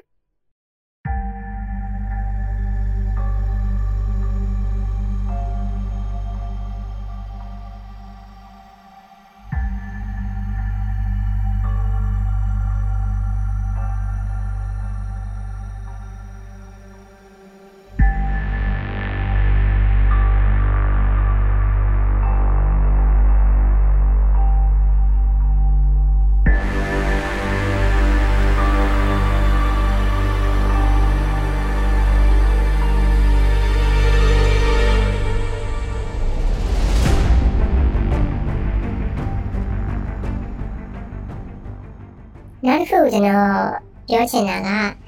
အာကျွန်တော်တို့ဒီချစ်ချင်းမြတ်တာကိုတည်ဆောက်တဲ့အခါမှာပေါ့နော်ကျွန်တော်ရဲ့ဒီ relationship ကိုတည်ဆောက်တဲ့အခါမှာဟိုဒါမတန်ဆွမ်းသူအချင်းချင်းကျွန်တော်ဒါတည်ဆောက်ကြတာရှိရယ်မတန်ဆွမ်းသူနဲ့တန်ဆွမ်းသူနဲ့တည်ဆောက်ကြတာရှိရယ်ပေါ့နော်။အမှကျွန်တော်ဆိုလို့ရှိရင်ကျွန်တော်ကကိုယ်ကမတန်ဆွမ်းသူကျွန်တော်ကောင်မလေးကတန်ဆွမ်းသူပေါ့နော်။မတန်ဆွမ်းသူနဲ့တန်ဆွမ်းသူတည်ဆောက်ကြတဲ့ဒါ relationship ကိုပေါ့နော်။ မတန်ဆွမ်းသူအချင်းချင်းပဲဖြစ်ဖြစ်မတန်ဆွမ်းသူနဲ့တန်ဆွမ်းသူပဲဖြစ်ဖြစ်ပေါ့နော်ဒီလိုချားလေးတွေမှာအဲ့တော့ဘယ်လိုအချက်လက်တွေကတူညီပြီးတော့ဘယ်အချက်လက်တွေကလွဲနေမလဲဆိုတာလေးကိုလည်းနော်အဲ့ဒါစဉ်းစားမိတယ်ပေါ့နော်စဉ်းစားပြီးတော့ကျွန်တော်ဒီမှာဒါလေးကိုလည်းကျွန်တော်ပြောပြရှင်နေဆိုတော့ဒီဆုံးကျွန်တော်တို့ကဟိုတန်ဆွမ်းသူအချင်းချင်းကြောင်းလေးပါကျွန်တော်ထည့်ပြောကြအောင်ပေါ့နော်အဲ့တော့တန်ဆွမ်းသူအချင်းချင်း ချစ်ကြတယ်အိမ်အောင်ပြုကြတယ်ဒါကတော့မြင်ဘူးတွေ့ဘူးနေကြပါတော့ဒီရိုက်တော့မထူးဆန်းတော့ဘူးဘလူးမလည်းမထူးဆန်းဘူးပေါ့နော်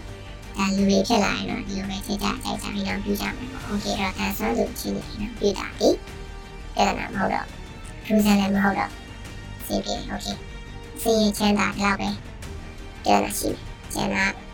အဲ့လိုရှိပါအဲ့မှာမတန်ဆွမ်းသူနဲ့တန်ဆွမ်းသူနဲ့ရှစ်ပြီးကြိုက်ပြီးလက်ထပ်ပြီးဆိုတော့နည်းနည်းလေးတော့ရှိလာပြီ အဲ့မတန်ဆွမ်းသူဒီအကြကြရဖြစ်မင်းကလေးပဲဖြစ်ပါတော့အဲ့တော့ပဲ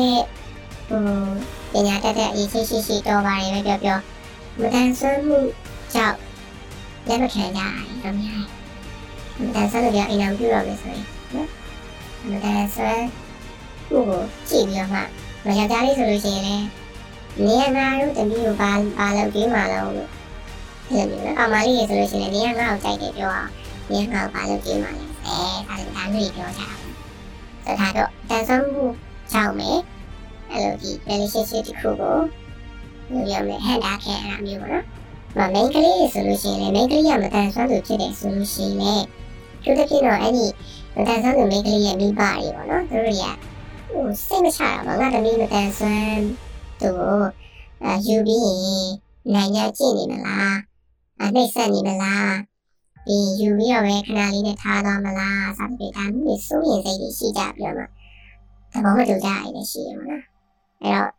တန်ဆွမ်းသူကယောက်ျားလေးပဲဖြစ်ဖြစ်မိန်းကလေးပဲဖြစ်ဖြစ်လည်းမတန်ဆွမ်းမှုရှိပြီဆိုတာနဲ့မတန်ဆွမ်းမှုကြောင့်ကချစ်ပြီဆိုတာနဲ့အာသဘောမတူကြအောင်ပါနော်။သဘောမတူကြတာများတယ်။ပြီးတော့ဟိုညလိုဒီလားစားပြောတဲ့အဆင့်မှာတော့မှတချို့သောမိန်းကလေးတွေတော့ကဒီမျိုးအခါတီတီ နီးတဲ့သူရှိရပါတော့။အနည်းတော့ကောင်းမျိုးမလားတက်စီရလားလို့စတဲ့။ဒါဒါလေးရောကြီးတတိပြောပြီးတော့ညီးကြတဲ့အနေအထားမျိုးရှိရပါတော့။ဆိုတော့ဒါဒီဟုတ်ရဲထူးတဲ့ကိစ္စမဟုတ်ဗျာတကယ်မလားလူမျိုးအမျိုးလူလူချင်းချင်းဗျာ။အဲတော့ဒါကြီးကမင်းလေးချက်ကိုချစ်လို့ကြိုက်လို့ဒီစားရပြောရဲ။ Okay ကိုမကြိုက်ဘူးမလား။ပြန်ငင်းချင်တယ်ငင်းငင်းလို့ရပြီကျွန်တော်ပြောချင်တာမငင်းလို့မငင်းနဲ့လို့ပြောတာမဟုတ်ဘူး။အာကိုလည်းမင်းကလေးကြောက်ဖြစ်တဲ့ကြောင့်မလို့ ငင်းပိုင်ပဲရှိရပါတော့မကြိုက်ဘူးမကြိုက်ဘူးဒါပေမဲ့လူမကြိုက်လို့မကြိုက်ဘူးငင်းတာနဲ့မတန်ဆွမ်းမှုကြောင့်နော်ငင်းလိုက်တာလေခံစားချက်စတော့မတူဘူးလေနော်ငါမျိုးကိုမချင်နိုင်ဘူးဒါမကြိုက်နိုင်ဘူးစားရညင်းလိုက်တာရရရရှိရပဲဟိုနားဝင်ခံနိုင်တဲ့ကောင်နဲ့ညင်းတာပေါ့နော်ဒါမှမဟုတ်ဒါမှမဟုတ်ပဲနဲ့အမတန်ဆောင်မှုကြောင့်လည်းငါ့ကိုနေနေဟာလာပါအထူးဆိုအာနေလို့အကျိုးက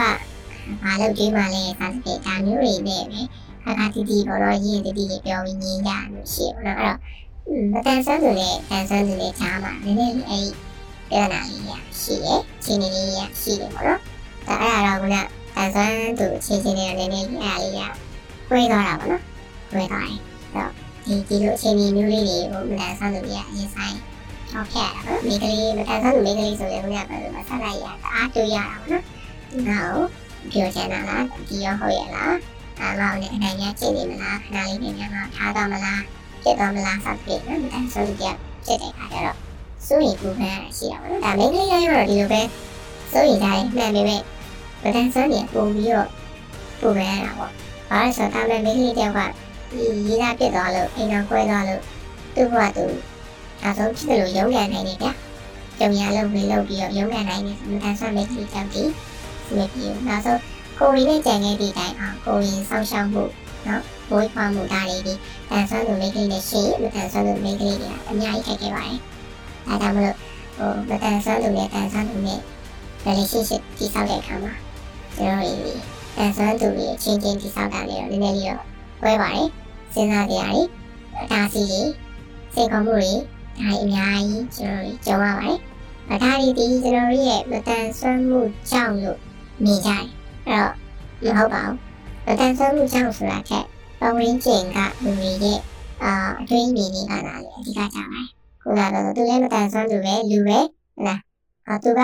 အာမတန်ဆွမ်းသူဖြစ်ပေမဲ့အော်သူလည်းလူပဲသူလည်းချစ်တတ်တယ်။သူ့မှာလည်းနှလုံးသားရှိရဲ့။ဒါကိုနားလည်ဖို့ပြီးထားမယ်ဆိုရင်ဒီလိုပြဿနာတွေကအများကြီးဖြစ်လာနေတာကြောင့်မရှိဘူး။ဒါပေမဲ့ကိုမကြိုက်လို့တကယ်မကြိုက်ဘူး။ငင်းတာငင်းလို့ရတယ်။မတန်ဆွမ်းမှုကြောင့်ငင်းတာမတန်ဆွမ်းမှုအ ကြောင်းပြပြီးတော့မှတအားကြီးနော်ရင်းနေပြီးငင်းဆိုတာတွေဒါတွေဒီအများကြီး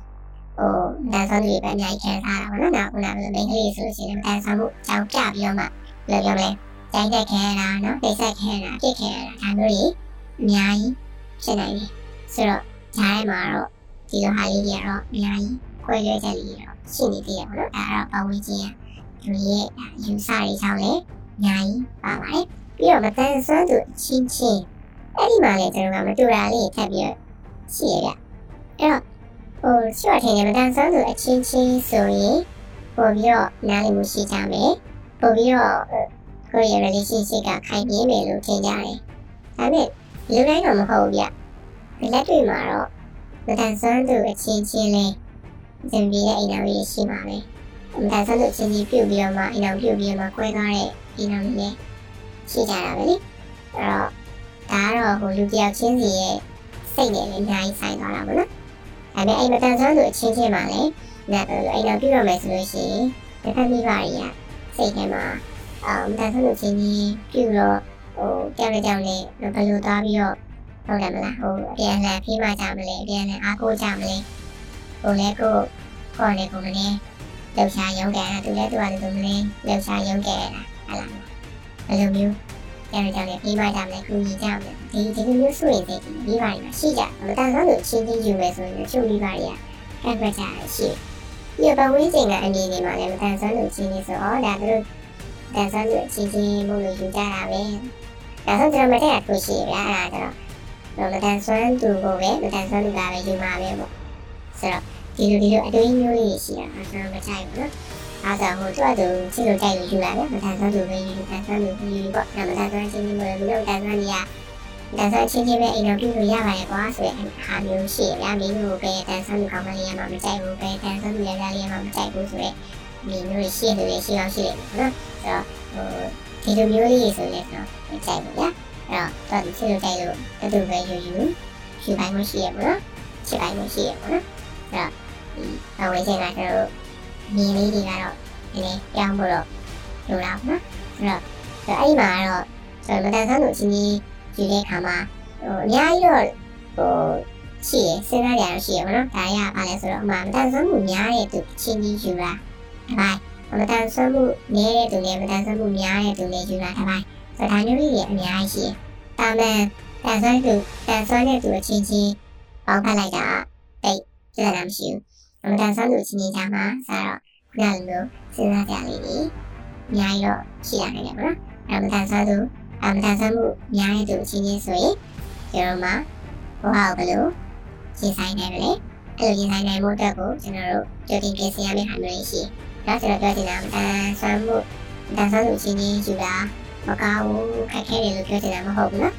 အာယူကြည့်လို့ရတယ်ကိုဒီကချစ်တဲ့သူနဲ့ဆိုယူလို့ရတယ်ဒါပေမဲ့အဲ့အတွက်ကျွန်တော်မပြင်ဆင်ရမှာရှိခု နကကျွန်တော်တို့တန်ဆန်းသူနဲ့မတန်ဆန်းသူနဲ့ယူရခါမှာဒီလိုပဲပေါ့နော်အခုကျွန်တော်ဆိုလို့ရှိရင်လည်းမတန်ဆန်းသူဒီဒါသားလေးတယောက်ဖြစ်တယ်အဲ့တော့ဟိုမတန်ဆန်းသူဖြစ်နေပြီမဲ့ကိုဒီရန်လေးတယောက်ဖြစ်နေတဲ့အကြောင်းကိုအိမ်တော်တစ်ခုကိုဒီဆောက်တဲ့အခါမှာကိုဒီအိမ်တော်ကြီးဖြစ်လာမှာအဲ့ဒါကိုဒီဘလောက်ပဲမတန်ဆန်းသူဖြစ်နေပါစေကိုဘက်ကနော်ကောင်းဆုံးကြိုတင်ပြင်ဆင်ရတယ်နော်မှာသက်ဆိုင်တဲ့ဆိုင်အောင်ကြိုးစားရတယ်။ရရှိရှိအောင်ကြိုးစားရတယ်။မိကလေးဘက်ကကိုယ်ယုံကြည်လက်ခံလာအောင်ကြိုးစားရတယ်နော်။ ဒါဒီလိုကြိုတင်ပြင်ဆင်ရတဲ့အပိုင်းလေးရှိရပြီးတော့ကြိုတင်စုဆောင်းရတဲ့အရာလေးရှိရပေါ့နော်။ဆိုတော့အမတန်ဆန်းလို့ချင်းချင်းပါဆိုလို့ရှိရင်ဒါမျိုးလေးကအများကြီးလိုလာမယ်ကျွန်တော်တို့စဉ်းစားကြရလေးပေါ့နော်။အဲ့တော့မတန်ဆန်းမှုများတဲ့သူချင်းချင်းဆိုလည်းဒီလိုပဲ။ဒါကညဆိုးမှများရဲဆိုတဲ့အခါကျတော့တယောက်တယောက်နားလည်မှုတွေပို့လို့လာပြီ။အဲ့ပို့လို့လာမယ်ပြီးရင်ကြိုတင်ပြင်ဆင်မှုတွေအများကြီးပို့လို့လာတယ်။ဆိုတော့အဲ့တော့ဒီအရာတွေကိုကျွန်တော်ကချုပ်ပြီးကြည့်ရမယ်ဆိုရင်တော့အဲ့မတန်ဆွမ်းသူနဲ့တန်ဆွမ်းသူနဲ့ယူယူမတန်ဆွမ်းသူချင်းချင်းပဲယူယူ ကျွန်တော်မှဒီဒီပြင်ဆင်ရမယ့်အပိုင်းတွေအများကြီးရှိတယ်၊ကျူးနာမယ့်အပိုင်းတွေရှိတယ်၊နားလည်မှုအများကြီးလိုတယ်။ဆိုတော့ဒီလိုဈားထဲမှာတော့ဘယ်သူရဲ့အချက်လေးတွေတော့နည်းနည်းတော့ပွဲရွယ်လေးတော့ရှိနေပါတယ်။ဒါပေမဲ့ကျွန်တော်တို့ဒီအာကြုံတွေ့ရမယ့်အတားစီရှိရဆိုတာတော့တူတယ်။တော့ထိုင်ရတူရဲ့အဲ့ဒါစီတွေကြော်ပြရမယ်ဆိုတာတူတယ်အဲ့တော့ဟိုကြုံလာတဲ့ဖြစ်ပုံဖြစ်ပြီးကြီးလေးတွေပဲမတူတာပေါ့နော်အဲ့တော့ဟို မတန်ဆန်းသူနဲ့တန်ဆန်းသူရဲ့ခြားထဲမှာတော့ညကြောင်ကြောင်ရဲ့ဖိမကူညီမှုထောင်းညာမှုကတော့အများကြီးတော့တိတ်ပြီးတော့ထေလူစဉ်းစားနေတာတော့ဘယ်လိုပေါ့နော်ဟိုတန်ဆန်းသူကတန်ဆန်းသူကိုကူလို့ရအောင်တန်ဆန်းသူမလုပ်နိုင်တဲ့အရာကိုတန်ဆန်းသူကကူလို့ရအောင်နော်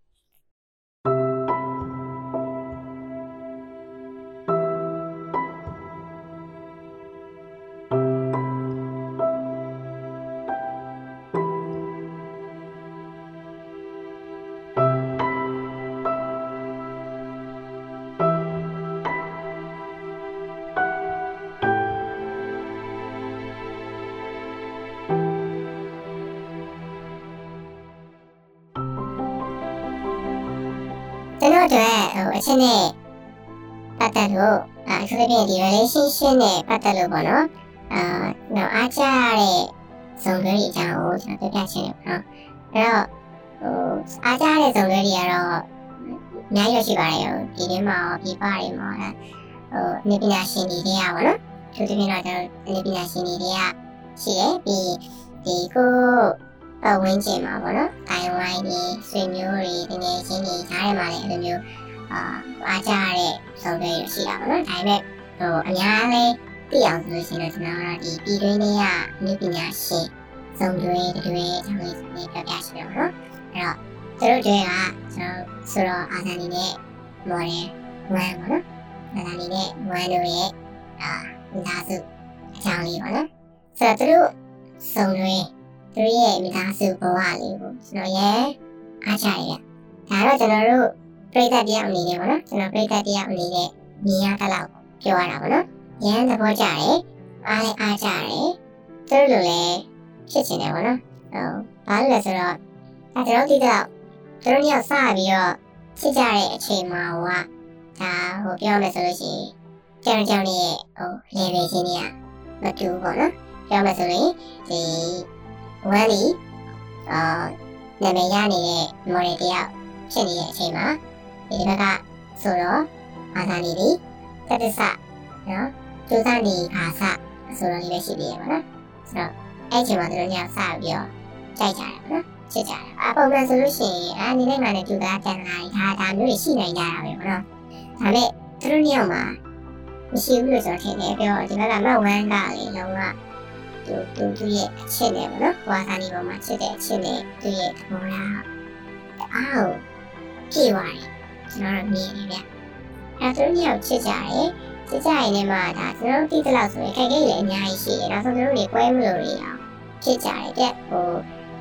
ဘယ်လိုလဲတိုင်းဝိုင်းကသဘောမတူကြလို့လေနော်အဲ့လိုကွဲကွာကြတာမျိုးတွေထီအောင်မှဖြစ်ခဲ့တယ်လို့ကြားဖို့ရယ်အဲ့အဲ့ဒီမှာဒါသူတို့တဲ့ဟိုသက်ဆိုင်တဲ့ခံစားချက် တချင်းနေတယ်ဒါကွာဒါဒီဆိုခဲ့ဥပဒေရှိတယ်နော်မှာတောင်ကြီးလိုမျိုးတချင်းတွေဆိုလို့ရှိရင်ဒါတို့ရဲ့ဖြစ်ရမယ်လို့ကျွန်တော်တို့သိရတယ်ပေါ့နော်သူတို့ရဲ့ခက်ခဲတွေအများကြီးရှိခဲ့တယ်အဲ့ခက်ခဲတွေအများကြီးရတယ်မှာသူတို့ရဲ့ဘဝကိုကျူးစားတည်ဆောက်ခဲ့တယ်တည်ဆောက်လာတယ်နော်အဲ့တော့ခုချိန်ကြည့်ဆိုလို့ရှိရင်ဒါကာသမီလေးနဲ့နော်စီစီကာကာပြောပြောပါပါဖြစ်နေကြတယ်ဒါဆိုဘဝလေးအေးချင်တဲ့ရက်တည်နေကြပြီကိုယ်စားနေဆိုလို့ရှိရင်လေဒါ တအားကိုနော်မြန်မာနိုင်ငံရဲ့လောကထိပ်တန်းအစိုးရတရားအနေနဲ့ဖြစ်လာပြီသူတို့ကပြောပြောဆို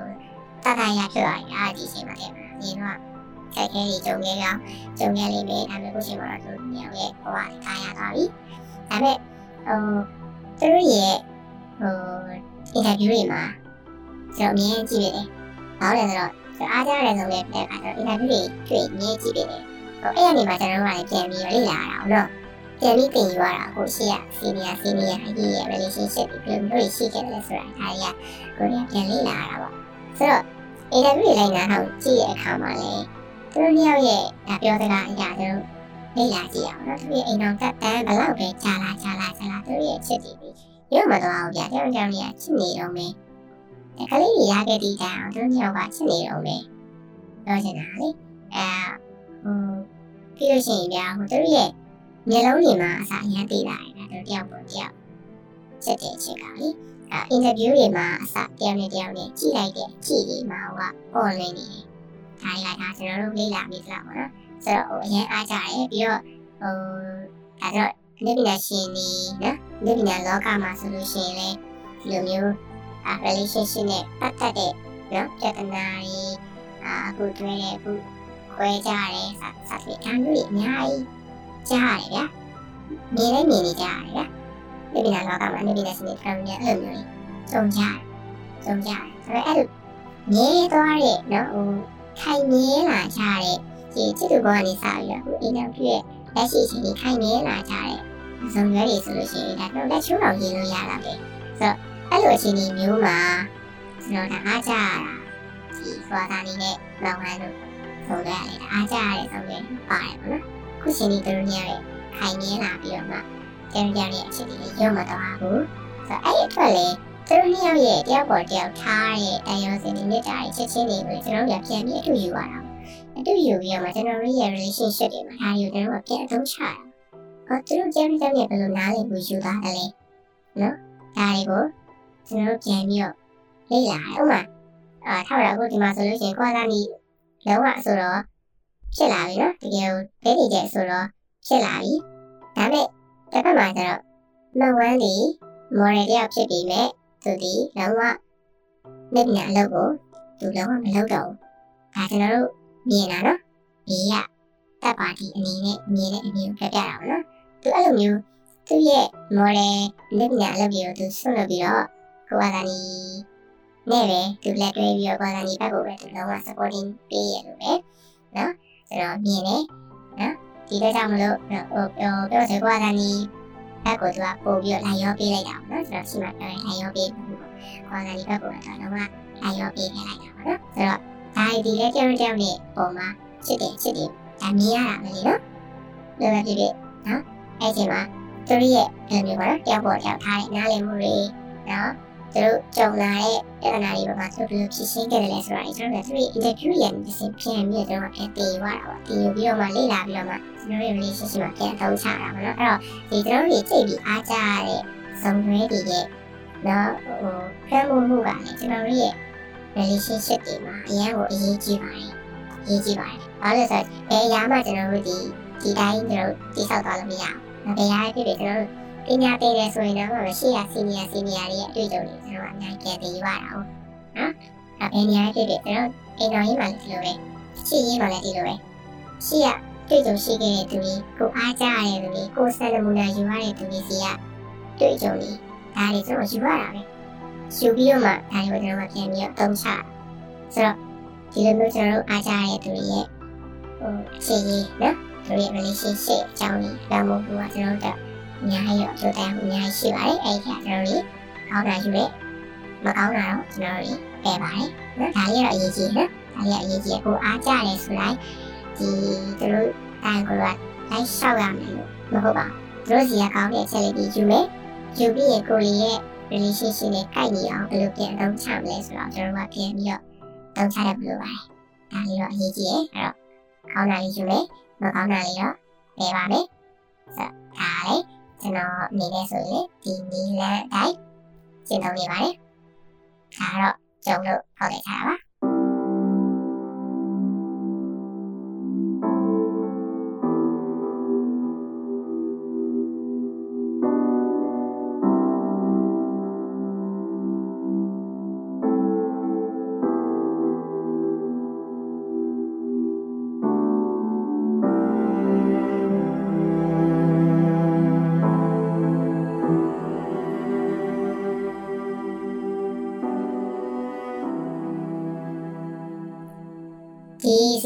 ကနေကျွန်တော်ရဲ့သက်ဆိုင်သူပေါ့နော်ကျွန်တော်ဗာပြောချင်လဲဆိုတော့ဒီကတော့ကျွန်တော်ညရဲ့ချစ်တွေဒီလောက်ပဲနေ့ဒီကြာသွားကြာသွားနောက်ဆုံးကျွန်တော်အိမ်အောင်ပြုတဲ့အထိတက်ကြီးသွားတဲ့အထိနော်ကျွန်တော်ဒီမပြောင်းလဲပဲနဲ့ပူပူပြီးတော့ချစ်ကြမယ်။ဒါကျွန်တော်တို့ပြောခဲ့တယ်လို့ကျန်တဲ့ကြောင့်လည်းနားလည်ပေးမှုတွေ လာရောက်ပေးမှုတွေထိထိဆက်ဆံမှုလေးတွေနဲ့ကျွန်တော်ရဲ့ဘဝနော်ကျွန်တော်ရဲ့ဘဝကိုတာယာအောင်အကောင်းဆုံးတည်ဆောက်ကြမယ်အဲ့တော့ဒီလိုမျိုးတည်ဆောက်ဖို့အတွက်လည်းကျွန်တော်တို့ဘာလိုအပ်တယ်လဲလိုအပ်တဲ့လိုအပ်တဲ့အရာတွေကိုကျွန်တော်တို့လေ့လာဖို့သင်ယူဖို့အချင်းချင်းဒီနိုင်ဆွေးနွေးဖို့ဒါအများကြီးလိုပါတယ်ဟောအဲ့ဒါမျိုးလေကျွန်တော်တို့အများကြီးကျွန်တော်တို့ရှင်းဆက်ပြီးတော့ ချက်သွားကြဖို့အများကြီးရှိနေသေးတယ်အဲကြောင့်မလို့ကျွန်တော်ကြောင့်လည်းတယောက်ပေါ်တယောက်ပေါ့နော်စစ်တီပြီးတော့ပဲနဲ့อืมဆက်ချကြမယ်ပေါ့ပြီးတော့တက်ထနိုင်အောင်လည်းအများဆုံးကြိုးစားကြမယ်လို့ပြောချင်ပါတယ်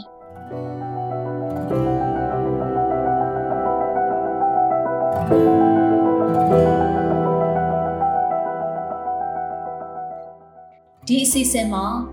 အသက်35နှစ်အောက်အိမ်တော်မပြုရသေးတဲ့ ဧည့်သည်တင်ဆက်သူတွေအနေနဲ့လည်းအတူတကွပူးပေါင်းပါဝင်တင်ဆက်ဖို့အတွက်လည်းဖိတ်ခေါ်အပ်ပါတယ်ရှင်။ဒါကြောင့်ချစ်ချင်းမြတ်တာနဲ့အိမ်ယာထူထောင်ခြင်းကိစ္စဟာမတန်ဆွမ်းလူငယ်တွေအတွက်အရေးကြီးတယ်လဲဆိုရင်ယနေ့လူငယ်နောင်ဝယ်လူကြီးဖြစ်လာကြမယ်မတန်ဆွမ်းလူငယ်တွေအတွက်ကုလသမဂ္ဂမတန်ဆွမ်းသူများခွင့်ရေးဆိုင်ရာသဘောတူစာချုပ်ထဲမှာပါဝင်တဲ့အဓိကအချက်တွေဖြစ်တဲ့အပိုက်၁၉လူမှုအတိုင်းအဝိုင်းတွင်နေထိုင်ပါဝင်ခွင့် အပိုက်22ပုဂ္ဂလိကလွတ်လပ်ခွင့်ကိုလေးစားခံပိုင်ခွင့်နဲ့အပိုက်23မိသားစုတော်ကိုလေးစားခံပိုင်ခွင့်နေတဲ့မှာဒီချစ်ချင်းမြတ်တာနဲ့အိမ်ယာထူထောင်ခြင်းကိစ္စဟာအထူးတလဲပါဝင်နေတဲ့ကိစ္စဖြစ်ပါတယ်။ဒါကြောင့်မို့လို့ဒီအကြောင်းအရာနဲ့ပတ်သက်ပြီးတော့မှချစ်ချင်းတရားနဲ့နယ်နိမိတ်ကန့်သတ်မှုတွေရဲ့သဘောတဘာဝကိုကျွန်မအနေနဲ့မိတ်ဆက်ပေးခဲ့တာဖြစ်ပါတယ်။ကျွန်မတို့လူမှုအတိုင်းအဝန်မှာချစ်ချင်းမြတ်တာတွေဘယ်လိုအတိုင်းတာရှိနေနိုင်မလဲ။ ချစ်ချင်းမြတ်တာကိုတယောက်နဲ့တယောက်ပုံဖော်ချင်းကပ်တဲ့နေရာမှာဘယ်လိုမျိုးနယ်နိမိတ်တွေရှိနေနိုင်မလဲ။ဒီနယ်နိမိတ်တွေကဒီဘယ်လိုမျိုးအတားအဆီးတွေဖြစ်ပေါ်လာနိုင်မလဲ။ဒါတွေကိုနောက်ပတ်မှာတော့ချစ်ချင်းတရားနဲ့နယ်နိမိတ်ကန့်သတ်မှုတွေအပြင် barriers လို့ခေါ်တဲ့အခက်အခဲအတားအဆီးတွေဖြစ်စေတဲ့အကြောင်းအရာတွေကိုလေမတန်ဆွမ်းလူငယ်တွေကိုယ်တိုင်ကဝေမျှရင်ဖွင့်ကြမှာဖြစ်တဲ့အတွက်ဒီအစီအစဉ်ကိုလည်းစောင့်မျှော်နားဆင်ဖို့အတွက်တပါးလေးဖိတ်ခေါ်လိုက်ရပါတယ်ရှင် ဒီကနေ့အစီအစဉ်ကတော့ဒီညပါပဲရှင်နောက်ပတ်မှာကျမနဲ့အတူမတန်ဆွမ်းလူငယ်တွေကဘယ်လိုမျိုးသူတို့ရဲ့နှလုံးသားရေးရာချစ်ချင်းမြတ်တာတိဆောက်ခြင်းနဲ့နယ်နိမိတ်တွေပုံမှာမိသားစုအားဖြင့်တော့၎င်းအခြားလူမှုအတိုင်းဝိုင်းအားဖြင့်တော့၎င်းသူတို့ကြုံတွေ့နေရတဲ့အကြောင်းအရာတွေကိုရှင်ဖွင့်ဝေမျှကြမှာဖြစ်တဲ့အတွက်မိတ်ဆွေတို့အနေနဲ့ရင်ခုန်စိတ်လှုပ်ရှားစွာစောင့်မျှော်နာဆင်နိုင်ပြီဖြစ်ကြောင်းလည်းတပါတဲ့အသိပေးအပ်ပါတယ်ရှင်အားလုံးကိုကျေးဇူးတင်ပါတယ်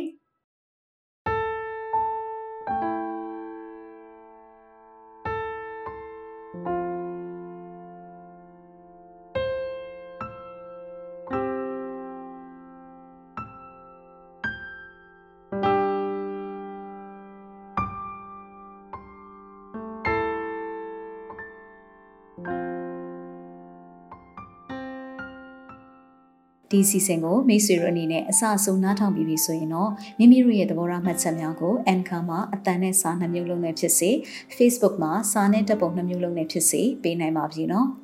ဒီ season နဲ့ပတ်သက်ပြီးမိတ်ဆွေတို့ရဲ့မှတ်ချက်ပေးခြင်းအကြံဉာဏ်ပေးခြင်းမေးမြန်းခြင်းတို့ကိုလည်းအထူးပဲဖိတ်ခေါ်ပါရစေမိမိတို့ရဲ့ပူပေါင်းတင်ဆက်မှုအတွက်ဒါမှမဟုတ်စုံစမ်းမေးမြန်းမှုအတွက်မြန်မာ cinemability@gmail.com ဒါမှမဟုတ်တင်ဆက်သူများရဲ့ Viber နံပါတ်များဖြစ်တဲ့ကိုပြေ39 26125649နဲ့မနွေ